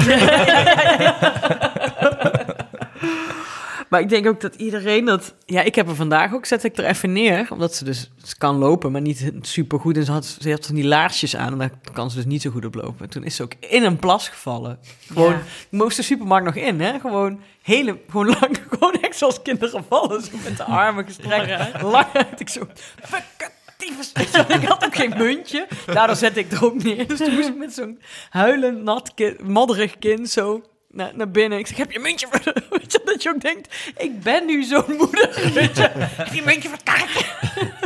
Met zo'n verwilderd hoofd. Ja. Zo'n huilend kind. Zo'n druipend kind. Ik dacht, die, wat is ze vriendelijk? Maar ze was tegen mij, iemand achter mij aan het zwaaien. Gewoon aan, wou ze iets zeggen. Ik zeg, ja, ze is net gevallen. En toen zei ze, mhm. weet je wat, ik ging door met dat gesprek. En toen, oh, het was ook echt... Ja, nou ja. Maar goed, het was maar een beetje modder, dus op zich is dat niet zo erg. Ik wist dus nooit dat ze bij Albert Heijn bij die klantenservicebalie gewoon muntjes hebben voor de wagentjes. Ja. Dat hebben we dus nooit, sinds ik een kind heb, weet ik dat. Ja, want, Of is dat gewoon iets Amsterdams, dat ze Ja. dat pas geven als je er een wachtwoord voor hebt of zo? Nee, ik wist gewoon überhaupt niet dat het bestond. Wat, muntjes voor in de... Nee, ik dacht altijd, als ik geen 50 cent heb of geen Oh, euro, wat is het? Dan kan ik niet in een wagentje. Ja. Maar dat is dus niet zo. Nee, je Nee. moet gewoon je zielige gezicht opzetten. Nee, ik die dacht muntjes dat het- kun je ook nog gebruiken voor de zwembad eh, kleedkastjes. Is dat echt zo? En Ja. vaak ook eh, in hele eh, shabby restaurants waar je dus geld moet betalen voor bijvoorbeeld op wintersport of zo voor de wc. Daar gaan ze ook vaak in. Hoeveel van die muntjes hebben jullie? Echt heel veel. Ja, ik vergeet hem altijd namelijk. Dus ik moet hem altijd En vragen. mijn dochter wil hem ook altijd hebben als ik hem weer uit het karretje haal. Ah, Ze is hij ook weer kwijt. Dus in elk huis in Nederland liggen gewoon allemaal Albert Heijn muntjes. Ja, Zeker. wel. Het plastic soep is voor een groot Ja. gedeelte Albert Heijn muntjes voor in de... Bojan Slat eh, wappert nu eh, verbeten met zijn vuist richting de hemel.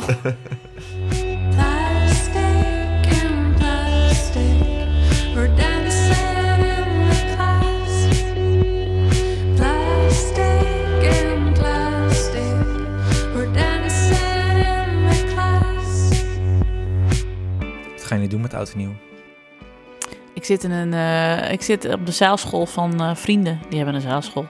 En daar zitten met een hele grote groep, eh, met al mijn vriendinnen van de middelbare school en aanhang en kinderen. En dat hebben we een paar jaar geleden ook gedaan, maar toen was er, was er nog niet zo heel veel eh, kind. En nu heel veel. Dus ik ben heel benieuwd hoe het zal zijn. Ik denk omdat jij zwanger bent en niet drinkt, dat jij dan de taak krijgt om op te staan s ochtends als eerste. Nou, ik hou zoveel van deze mensen dat ik dat niet heel verschrikkelijk vind als het niet voor half zeven is. nee, want ik weet nog dat ik, we hebben het een paar jaar geleden ook gedaan. En toen ehm, sliepen alle mensen met kinderen ook zeg maar aan de ene kant van het huis en de mensen zonder kinderen aan de andere kant van het huis. Maar wat wij met de, de mensen zonder kinderen niet wisten, was dat de piano van het huis recht onder onze kamer stond. En dat toen om half acht 's ochtends, mind you, 1 januari, dat al een paar kinderen op die piano zaten te rammen. Nou, toen was ik kwaad. Toen was ik echt nog zo ongebreideld. Ik heb geen kinderen kwaad. Maar zou ik nu ook kwaad om worden hoor. Van, dus ik naar beneden, ik zo, eh zak het is 1 januari. Weg bij die piano. Genoeg speelgoed hier, doei. Zo. Dus ik ben heel benieuwd hoe dat dit jaar gaat. Tinker op zijn. Tinkerop, precies. Ik ken al die dubbele namen van die kinderen namelijk ook. Not afraid to eh gebruik ze. Dat, je ook, dat doet een vriendin van mij altijd bij haar vriend voor de grap. Dan eh verzint ze, die heeft geen tweede naam. Verzint ze zijn tweede naam. Zij is ook Fries trouwens. Oh. Ja, Lea. Maar ja, natuurlijk. Dan zegt ze altijd, Job, ja. Job, Job Jacob. Zo. Zo. En eh, jullie? Wij weten het nog niet. Ik heb wel de afgelopen jaren dat we dan eh, de oudste wakker moesten maken. Wat eigenlijk nooit zo'n succes is. Want ze dan, ze, de- die roept de hele dag van ik wil wakker gemaakt worden. En als ze eenmaal dan om 12 uur, "Oh, wat is er dan? Oh, waarom? En de afgelopen twee jaar was de jongste, die sliep er doorheen totdat het vuurwerk afgelopen was. En toen begon ze te huilen. Oh ja. Lachen. Ja. Ja, Nee, wij blijven denk ik hier. Met, gewoon bij de haard. Met veel drank, met z'n tweeën. Een En oudejaarsconferentie. Ja, precies. Een Ali in bed. Vorig jaar zijn we wel, hebben we er wel weggebracht in, eh, naar mijn ouders. Maar nu was mijn broer ons voor. maar ik had ook carnaval al. Dus dan zei hij ook, oh, jij hebt carnaval al. Oké, maar ik heb, nu, ik heb al geregeld dat we oud en nieuw hebben. op 10 En dan de januari had hij geregeld. 10 januari 2017 had hij het al geregeld. Ja. Heel slim. Nee, en ik vind het ook wel goed. Ik heb ook wel... eh, eh, ik heb ook wel zin om hier een beetje zo... eh, en dan slaapt ze lekker in haar eigen bed. En als, ze, als ze wakker wordt... Dan Het jaar we- was ook al druk genoeg, toch? Ja, precies. En, eh, en we hebben Ja, dan een je- houtkachel, dus ja. En je moet vooral heel veel rekening houden met 1 januari, toch? Ja, dat, dat is eigenlijk, ja. Het is eigenlijk belangrijker wat ze, wat ze dan doen. Oh ja, ja, we gaan denk ik dan gewoon wandelen. Nee, maar ik bedoel, eh, ja, als je het op een zuipen zet, dan is het niet. Dan is het vooral belangrijk waar die kinderen zijn op 1 januari. Als Ja, daar- precies. Dan moeten ze wel nog door Ja. kunnen Ja, vroeg- logeren. vroeger werd je dan dus pas wakker met Garmisch-Partenkirchen. Ja, En dan een koude appelbeignet. Ah, en, een, en een kop koffie. En dan een beetje zo alle zure boertjes weg, eh, wegslikken. Dat. ja. Nu sta je om 8 uur weer een krokodil te zoeken. Een kikker. Oh, kikker, ja. Ja, maar ja. Mijn, mijn opa was op 1 januari jarig. Hij leeft niet meer. Maar het was altijd 1 januari eh, naar Rotterdam met de Oh. trein. Om daar zijn verjaardag met de hele familie te vieren. Daar heb ik wat momentjes eh, moeite mee gehad. Ja. eh, Gro- Momentjes op het balkon dat jij eventjes Ja, eh, dat- je moest herpakken. ja, Maar ja, jouw ouders eigenlijk dan ook natuurlijk. Veel erger misschien nog wel. Jij had het pas Ja. in je puberteit. Ja, klopt, ja, ja. Ja, maar daar denk je nooit over na. Dat je Ja. ouders ook katers hebben gehad in het die hebben die tien jaar daarvoor er ontzettend last van gehad. Ja. Het lijkt me best leuk als ik dat met Julius zou hebben gehad... en dat hij dan helemaal een kater had gehad... en ik daar best wel kwiek had gezeten. Nou ja, ik dat, denk die tijd komt nog, hè? dat is zeker, heerlijk. ja. Ja. Of dat jij dus, dus, terwijl je jezelf kan uitslapen, dat hoor ik dan van mensen, dat je dan gaat, gaat klagen dat je kinderen nog in bed liggen. Dat is Want jij bent toch al opgestaan, omdat je niet meer zo lang uitslaapt. Ja. Die periode Ja, gaat ja. bij ons ook komen. Ja. Want mijn Ja. ouders klaagden ook altijd dat wij zo lang in bed lagen. Ja. Maar ik zie daar echt naar uit, naar die tijd. Ik zei, dat zei een oud collega van me. Ja, dan kom ik thuis. Die, die, die kinderen staan pas op als ik thuis kom ongeveer. van mijn werk. ja, ja, ja. Ja, maar dan vind je ineens dat ze hun, hun tijd aan het Ja. vergooien zijn en zo. En ga toch iets nuttigs doen. En, eh, We gaan alles gewoon hetzelfde doen. Ja. Is het Exact. erger eraan. Ja, maar dat kan ik wel zeggen, inderdaad, na een vol jaar zelf moederen. Je wordt gewoon exact je ouders. En hoe hard je daar ook wel tegen ingaat. Ja, en het, misschien is het ook wel anders als je geen gelukkige jeugd hebt gehad. Maar als je gewoon een prima jeugd hebt gehad zoals ik. Dan verval je meteen in, in de reflexen die je ouders ook hadden. Ja, ik dacht, zei het van, vanavond nog tijdens het avondeten... dat ik aan het inslikken was van... kinderen in Afrika zouden een moord doen voor, voor dit brood... dat jullie nu aan het Ja. plafond aan het gooien zijn. Stuur dat op. Stuur dat gewoon op naar Afrika. Oh. Ja, bizar hè? Ja, En ook inderdaad, dat ik, want ik weet nog dat we vroeger aten. Mijn vader was wel, oké, mijn vader kookte altijd.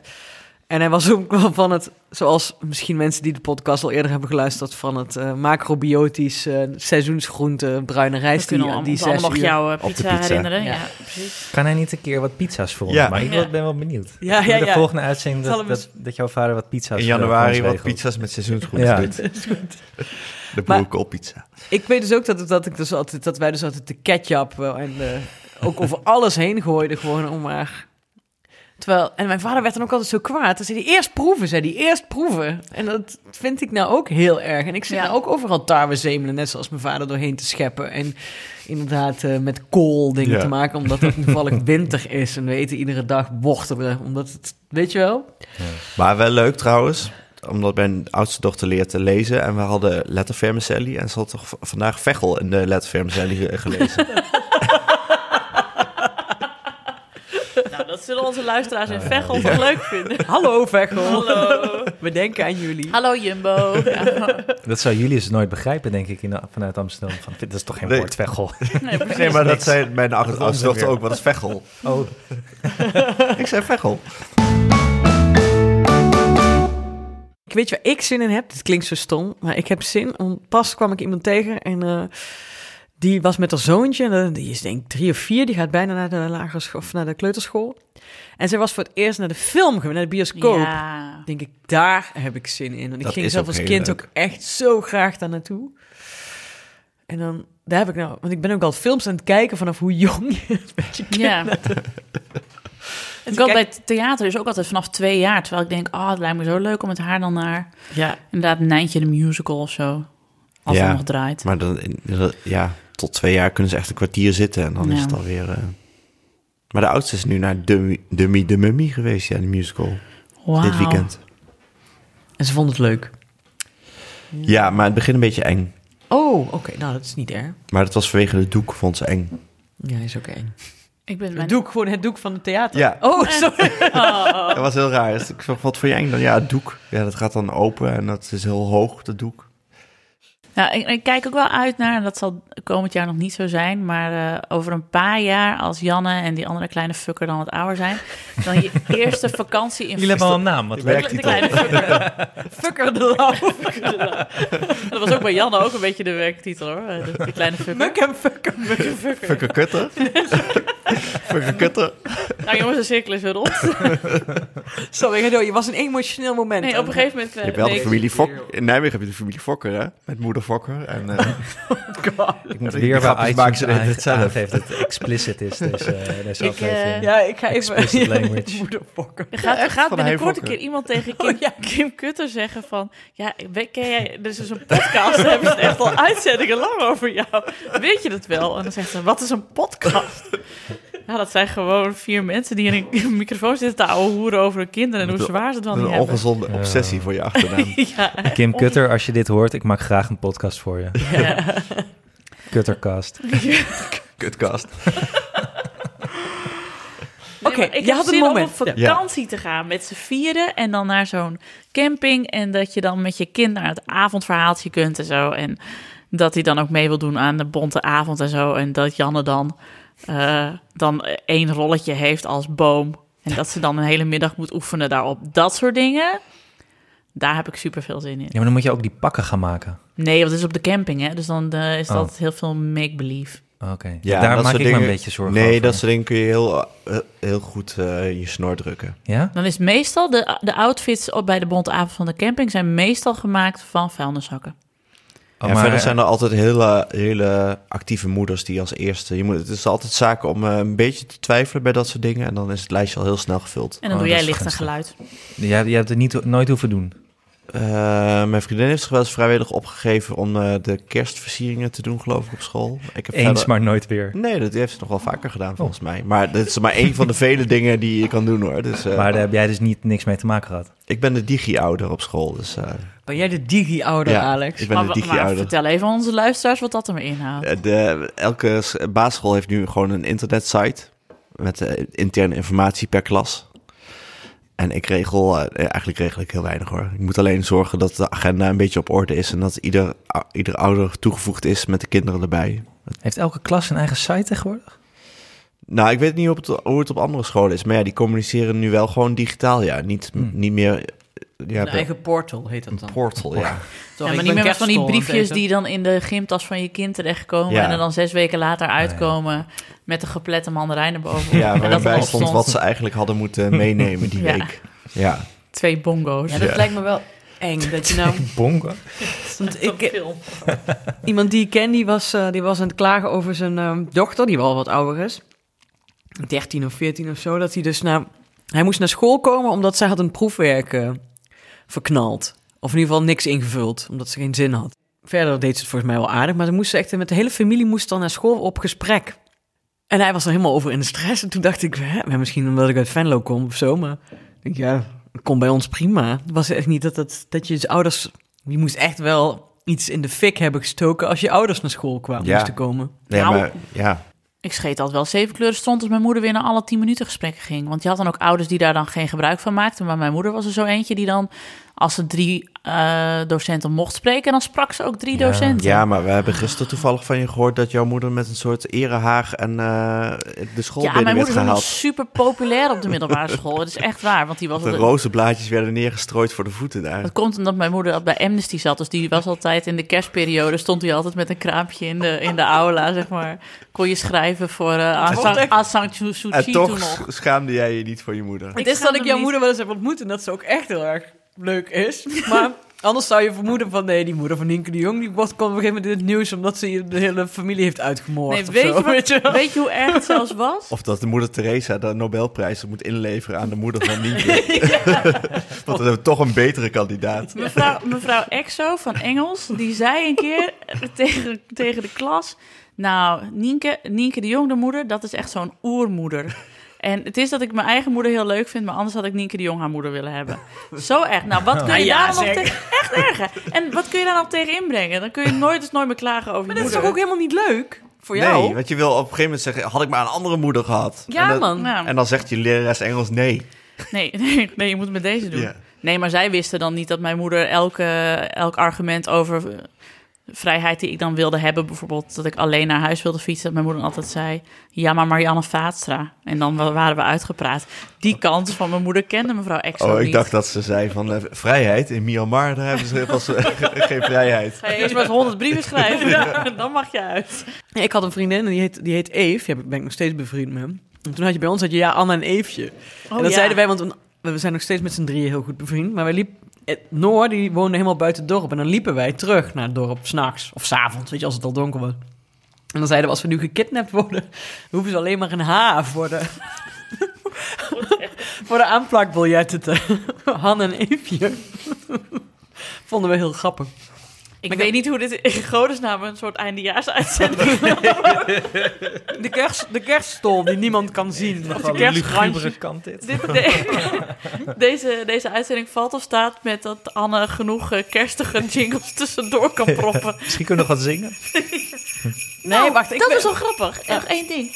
Ik, eh, eh, dat ik ook heel trots was op mijn dochter. Eh, resumerend, de cirkel is bijna rond van dit verhaal. Dat, ze, dat ik gisteren een Fries eh, kerstliedje voor haar zong. Eh Der Jensen in het boethuis. Zo donker in koud kwam Iris de liedse Heer Jezus te brood. Nou, des kinders jere savondere en verstond Heer Jezus. Jezus. Maar sliepen in het Heer. Hij moest slapen in het hooi. En dat zong ik. En toen zei ze, Paken? Want Paken zingt altijd Friese liedjes voor haar. Friese Oh, dat is leuk. Dus ze, ze hoorde gewoon al van, dit is die taal. Toen dacht Je ik, gewoon twee talen gaan opvoeden. ja. Nou, Hoe weet je eigenlijk of je kind goed kan zingen? Zijn er kinderen die wel zuiver zingen? Die van, Of, of heb je toevallig kinderen die echt... Ja, dat is wel logisch. zo. Dus echt als, zo vals als een kraai zingen ze. Maar dat doen haar ouders ook, dus dat zou heel logisch zijn. Maar ik vraag me af of er wel kinderen zijn die wel zuiver zingen. Ja, mijn dochter. Ja? Nee. nou, bij ons Ja, kan die het... zie je wel eens op YouTube, toch? Oh. Dat enge opera-kind. Dat begreep ik nou echt niet. Dat kind dat zo goed kan opera zingen bij SBS 6. Oh, uit Nijmegen toch? Komt hij uit Nijmegen, Ja. ja? Dat zal we niet, hè? Zo'n eng kind? Daar zat helemaal geen ziel in. Ik vond het heel raar dat iedereen dat zo leuk vond. Ja, sorry, dat mag je dan niet zeggen over een kind van zes. Satan. Dat geen ziel. Ja, Julius kan heel goed dansen. Echt goed dansen. Zou je denken? Nou, hij draait rondjes en hij zwaait zijn armen. Ik, ik had het laatste Michael Jackson opstaan en hij danst prima op de maat.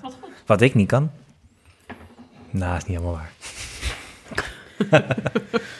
Mijn kind doet vooral eh, saapje, saapje, helle witte, oh, oh, zo. Maar wel op zich goed op, op toonhoogte. Dat ze wel bij één toonsoort blijft. En niet om mijn echtgenoot af te vallen, maar Mijn dochter zingt Slaap kindje slaap. Een schaap met witte voetjes, die drinkt zijn melk met zoetjes. mijn echtgenoot haalde laatst eh, scha- eh, schaapje, schaapje, heb je witte wol. En eh trukkende keks, hart en ziel door elkaar. Dus die zong, schaapje, schaapje, heb je witte wol? Ja, waas, ja, waas, drie zakken vol. Eén voor het geld. Ook beter eigenlijk, hè? De megamix. Doe het. En drie voor het publiek. Maar ook met zo'n Rick de Leeuw stem, die wij thuis graag nadoen. Nou, ik blijf nu alweer bijna in. Intro muziekje hebben we ook al gevonden. kan hij dat inzingen straks?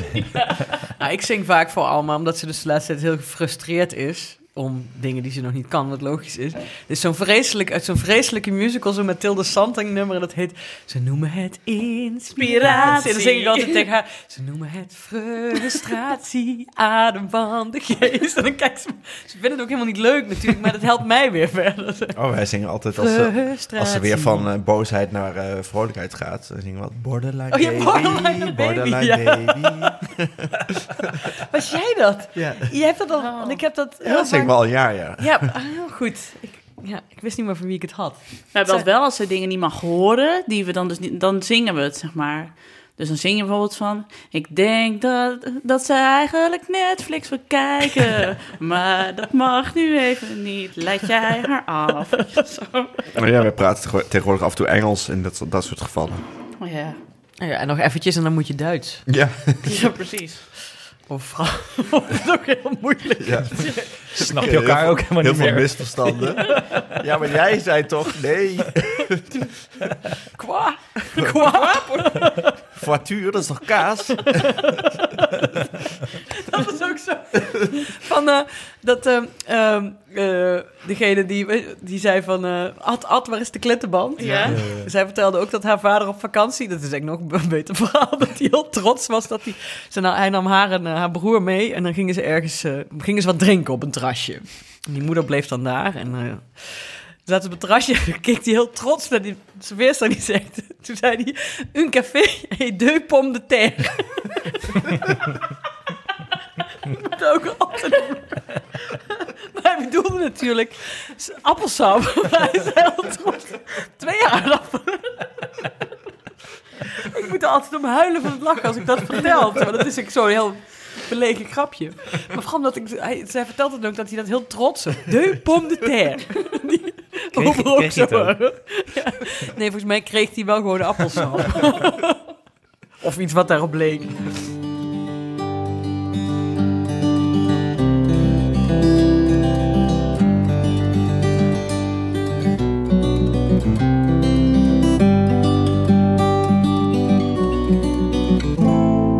Goede voornemens of is gewoon dat kind eruit krijgen gewoon wel de... Ja, eh, dat, dat kind er gezond uitkrijgen. En ehm, ehm, ja, verder. Een groter huis vinden. Kom Nou ja. hier wonen. Oh, dat zou ik zo, zo Ja, dat gezellig zou vinden. heel gezellig zijn. En juffrouw Anja zit hier nog op de lagere school als, als kleuterlerares en die heeft Doris nog gehad. Dat is toch fantastisch? Goeie slager. Nee, maar verder geen goede... voor. nee, ik ben al lang blij als het kind er een beetje weer gezond en normaal uitkomt. En eh, ja, dan, eh, dan ben ik alweer blij. En jij, Anne? Om niet meer opgesloten worden op het balkon. Nee, Ja. dat vind ik altijd wel gezellig. Hij tikt dan ook zo leuk op het raam. Zo van, daar staan we weer. Spelletje, Ja, vind je ook heel ja, leuk, hè? nee, ik Eigenlijk vind- moet hij zo'n ring krijgen dan, zodat hij ook als... eh, Ja, als de moeder van Nienke. Ja. Tik, tik, tik. Heb je Nee, ook een tweede vind- naam, Anne? Hij heeft een tweede naam. Ja, hij heet voor de luisteraars Julius Slatan, dames en heren. Dat verklaarde ook meteen waarom hij de spijl uit zijn bed Ja, precies. Ja, I am Zlatan. I want to live. In Sweden. I am a lion. ja. ja. Nee, nee, maar serieus, ik denk ehm, meer tijd eh, zon- zonder kind. Met, eh, met Mia doorbrengen, met mijn vriendin. Oh, ik dacht alleen. Ja. Nee, nee, had. alleen... Nee, meer, meer samen, denk ik. Ik denk dat dat bij ons iets eh, erbij in is geschoten dit jaar. Een soort terugdenken. Dat deden we gewoon heel vaak natuurlijk. En dat wordt, is, moet je toch echt gaan plannen. En misschien wat te weinig gedaan. Maar het is ook moeilijk. Mhm. ja. En ik heb dus gehoord van een relatietherapeut dat het heel goed is. In een podcast. Maar ik denk ook, want we, het liefst kijken we gewoon in bed Netflix uiteindelijk. Iedereen doet Ja. dat. Ja. De bank liggen. Ja, maar je moet ook niet heel krampachtig dan zeggen... oh, en dan gaan we nu samen ja, door het bos wandelen of zo. Ja, nee, als je gewoon lekker wilt Netflixen... Samen mediteren. Wat op. Biodanza. Samen op een cursus. Hou op. niet op een cursus. Ken je het is mensen ook- die dat doen? Nee, Nee, ik, ik die vind, ken ik ook niet. Je moet gewoon, al, al kun je eh, twee keer per maand met elkaar uit eten, met z'n tweeën. Als je dat al kunt afspreken, Ja, dat zou ik wel willen. dan ben je gewoon als spekkoper. Dat zou ik wel willen. Nou, dat goede voornemen heb je... Ja, ga ik doen. Misschien als je dat niet doet, dat je dan wel op je 65ste in ANWB-jassen samen dingen gaat doen op vakantie. Ja. Dat is misschien een was- goed, eh, laatst gevaar. al, eh, eh, je moet een soort angstbeeld hebben. hè? Ja, mijn moeder bood me een ANWB eh, kortingscoupon aan. En voor het eerst in mijn leven heb ik die aangenomen. Kijk, we- we worden allemaal ouder. Ja, ja. Holy shit, ik ben wel echt heel veel ziek geweest dit jaar. Ja. Jij ook? Dat, eh, Nee, maar die heb ik wel allemaal gehad. ik wist niet dat het zo heftig zou zijn. Ja. Je, je neemt alles eh, over. Ja. Ja, ik ben nou ook weer verkouden. Volgens mij ben ik de helft van alle podcasts verkouden geweest. Nee, je zegt ook dat, dat Alma nooit niet verkouden is. Nee, wat heb je nou eens gezegd? Dat ze verkouden was geboren of zo? Ik weet Nee, niet dat ze, al, dat ze al vrij snel in haar leven langer verkouden was dan niet Oh, ja. verkouden. Ja. Dus dan Ja. ze er ook aan. Want iemand zei ook tegen mij, wat doe je... Ja, wat, die had net een kind en die, dat kind ging net naar het kinderdagverblijf. Ja, maar wat doe je dan als ze verkouden zijn? ik zo, ja, nee, niks. Gewoon laten... Twee tampons en een neus en gaan, huppatee. Oh, hebben jullie niet van die dingen waarmee je de neusjes uit kunt spoelen? Ik zei, nee joh. Ik zo, ze wennen er wel. Want dat Ja. heb ik met Alma echt het idee. Na een week was ze er wel aan gewend, een beetje, weet je wel. Ja. En hoe langer ze verkouden zijn, hoe normaler het wordt. Ze zijn gewoon verkouden. Het is vooral de eerste dagen dat ze dat heel erg vervelend vinden. En daarna ben je zelf trouwens ook. Ja. Dat is wel het meest nutteloze apparaatje dat ik heb gekocht dit jaar. De neuspeer. Ja, de Ja, ja. neuspeer. nou, ik had de tip gekregen, dat moet je hebben. Nou, dat moet je dus helemaal niet hebben. Dat is een slechte Wat tip, een ja. waanzinnig rot ding. Ik ken dus mensen die hun die neus van hun kind uitzuigen met hun eigen mond. Oh. Dit is geen leugen. Dat is toch niet, ik moet ik echt van, ik heb, dat is al een tijd geleden, had ik zelf nog geen kinderen. Ik moest daar dan, ik moest daar van kokhalzen. Ik heb Ja. dat niet Ja. eens gezien. Diegene vertelde dat gewoon. Terwijl, en als je dan een kind krijgt, dan, dan gaat op zich je hygiëne standaard op zich best wel naar beneden. Of wat je zeg maar goor vindt. Want ik loop wel van alles uit haar gezicht te poetsen en eh, uit haar eh, onderkin kwabben, zeg maar, eh, te vegen en dat soort dingen. Maar eh, dat? Heb jij een neuspeer? Nee. Maar mijn kind is ook weinig verkouden. Ja. Deo voor lente, inshallah. et cetera, et cetera. Toch, heb je, heb je, is, is, is het je wel eens gelukt, gelukt met een neuspeer? Nee. Word je de- Wel eens geneukt. geneukt met een neuspeer? Wel eens geneukt. Nee? Een neuspeer. Neuspeer geneukt. We hebben niet eens drank op. Iedereen is met de auto hier. Ja, met Misschien is de kerststol Heb jij nog goede voornemens, Alex? Mijn goede voornemen is om meer te slapen dit jaar. Hoe dan? Ja, weet ik niet. Het is een voornemen. Ja. Net zoals dat eh verstokte rokers eh, zeggen dat ze nog eens gaan stoppen en dat toch niet doen. Heb je een aantal in gedachten? Een aantal uur? Ja, acht vind ik wel, eh, vind ik wel een mooi getal. Ja, want je zegt hoe dan, maar je kunt ook gewoon eerder naar bed gaan. Nee, dat kan niet. Want het is tijd voor mezelf. Die moet ik, heb je, jij zei je moet tijd voor jezelf nemen. Ja. Dat doe ik altijd tot eh, één uur s'nachts. Echt waar? Soms Nee. wel, ja. Oh, En dan moet je om zeven uur weer eruit? Ja. Nee, dan word je gek. Nee, dat gaat best aardig. Gewoon goed, genoeg koffie. En eh, af en toe is wel... Ja, af en toe val ik wel gewoon echt na het avondeten in slaap. En dan slaap ik gewoon door. Ik lig er soms al om kwart over negen in. Ik Ja, ook. nee, nee, ik moet heel vaak... Boekje. Ja, lekker even lezen en dan zo in slaap vallen. En dan weet ik dat ik in slaap ben gevallen als ik de e-reader de bladzijde probeer om te slaan. Dat ik zo Ja. in bed lig en denk, oh nee, nu moet ik echt gaan slapen. Dat? Nee, ik werk heel veel eh, s s'avonds ook nog. Ja. Ook noodgedwongen, maar ja. Nee, ik, word, ook- ik leef helemaal op s'avonds. Het is, eh, ik ben een avondmens, dus... nou eh, ja, dat is misschien ook wel. ja, dat is, nee, is niet fijn, want ik ben dan niet moe om 12 uur, terwijl ik echt al naar bed moet. Maar dan kun je wel werk doen. Ja, dat wel. Het Alleen- scheelt dat je niet, bijvoorbeeld, dat je geen dakdekker bent of zo. Dat je hè, hè, nou, maar waar? Meneer Hendricks. Ja, even kijken. Tjuk, tjuk, laddertje op. Ons, onze warme bak is vooral avondmens. Het aardigste van de heel warme bak is dat 's ochtends in de bakkerij. God. Kut krentenbollen. Ja. Heb jij nog goede voornemens, eh, Han? Eh, Naast Ja. een, een roman afmaken. Oh ja. ja. dat is eigenlijk het grote goede voornemen. Een roman afmaken en eh, eh, niet te chagrijnig doen naar iedereen. Want ik ben... Ik moet steeds denken aan dat Joe Brandt, eh, een van mijn lievelingscomediennes, Engelse, dan zei op het... Die heeft een hele show ook over haar twee kinderen. En zij zegt op een gegeven moment ook dat toen haar, allebei haar kinderen heel klein waren, dat zij constant kwaad was. Dan werd er aangebeld en dan was het met iemand met een bos bloemen. En dan zei ze, fucking hell, en dan moet je hem in een vaas. Ik pleur die bloemen altijd gewoon meteen in de vuilnisbak, want dan komen ze toch wel terecht. Nou ja, zo dus. Dat heeft mij trouwens heel erg gesteund, die show. Omdat ik dacht, zie je, ik ben gewoon super kwaad. Maar dat is gewoon normaal, omdat je gewoon moe bent. Ja, het is ook de zin die eh, Tom en ik het meest tegen elkaar hebben gezegd het afgelopen jaar is...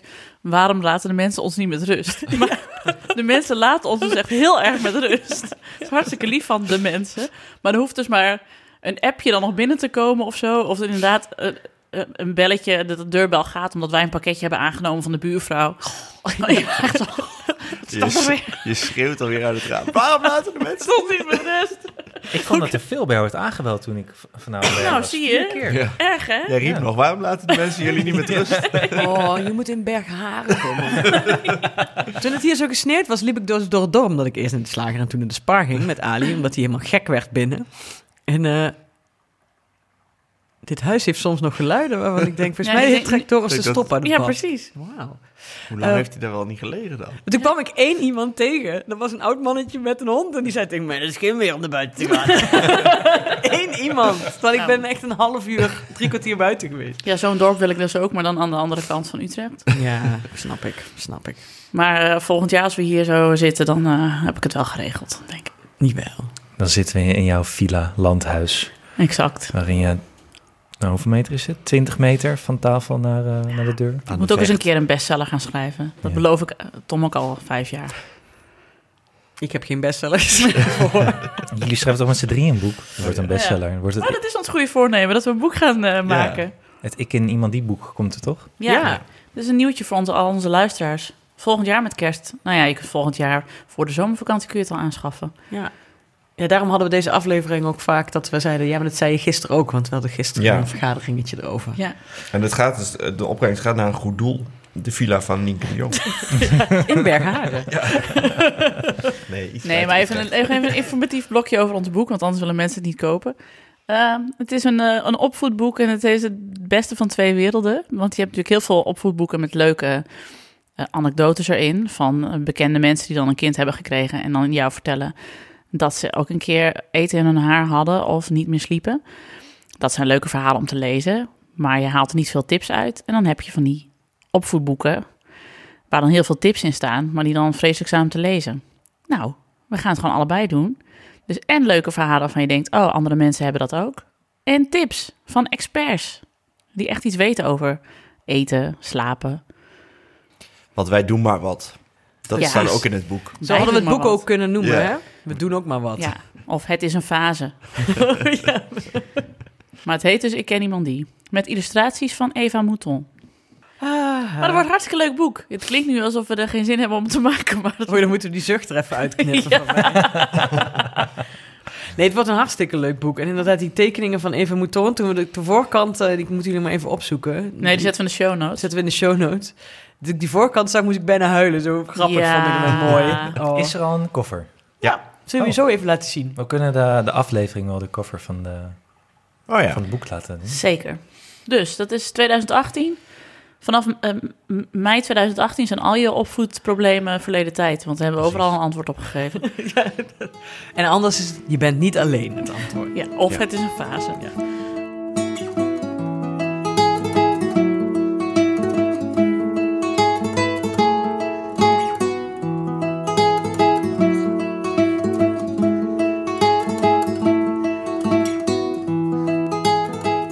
Dat was het weer, mensen. Dank voor het luisteren. Als je dit nou leuk vond, geef ons dan alsjeblieft een review op iTunes met wat sterren erbij. Want dit zorgt ervoor dat meer mensen de podcast kunnen vinden. En oh ja, deel deze podcast met je vrienden, andere ouders en vage figuren van Twitter. Veel dank aan mijn vaste tafelgenoten Hanneke Hendricks en Alex van Hulst.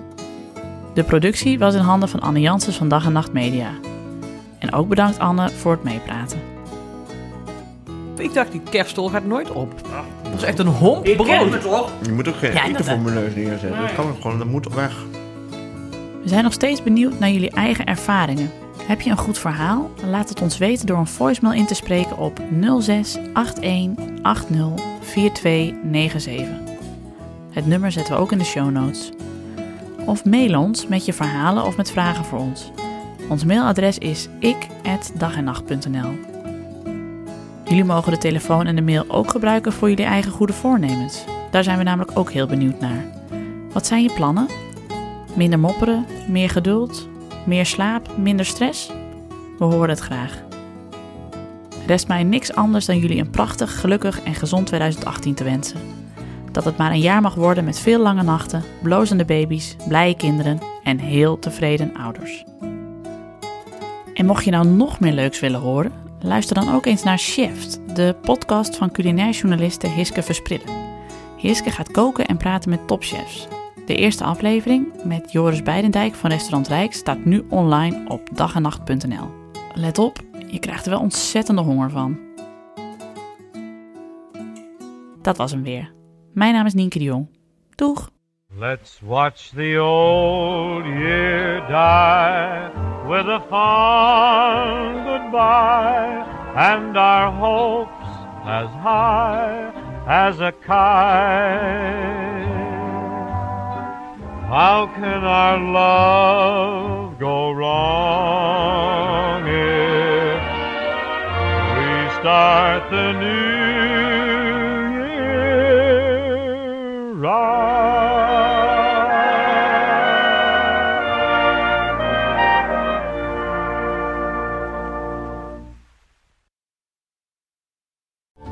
over die grootse en epische muziektheatervoorstelling. Het achtste leven voor Brilka is een marathonvoorstelling van 5 uur. Koop je tickets voor deze bijzondere theateravond via oostpol.nl.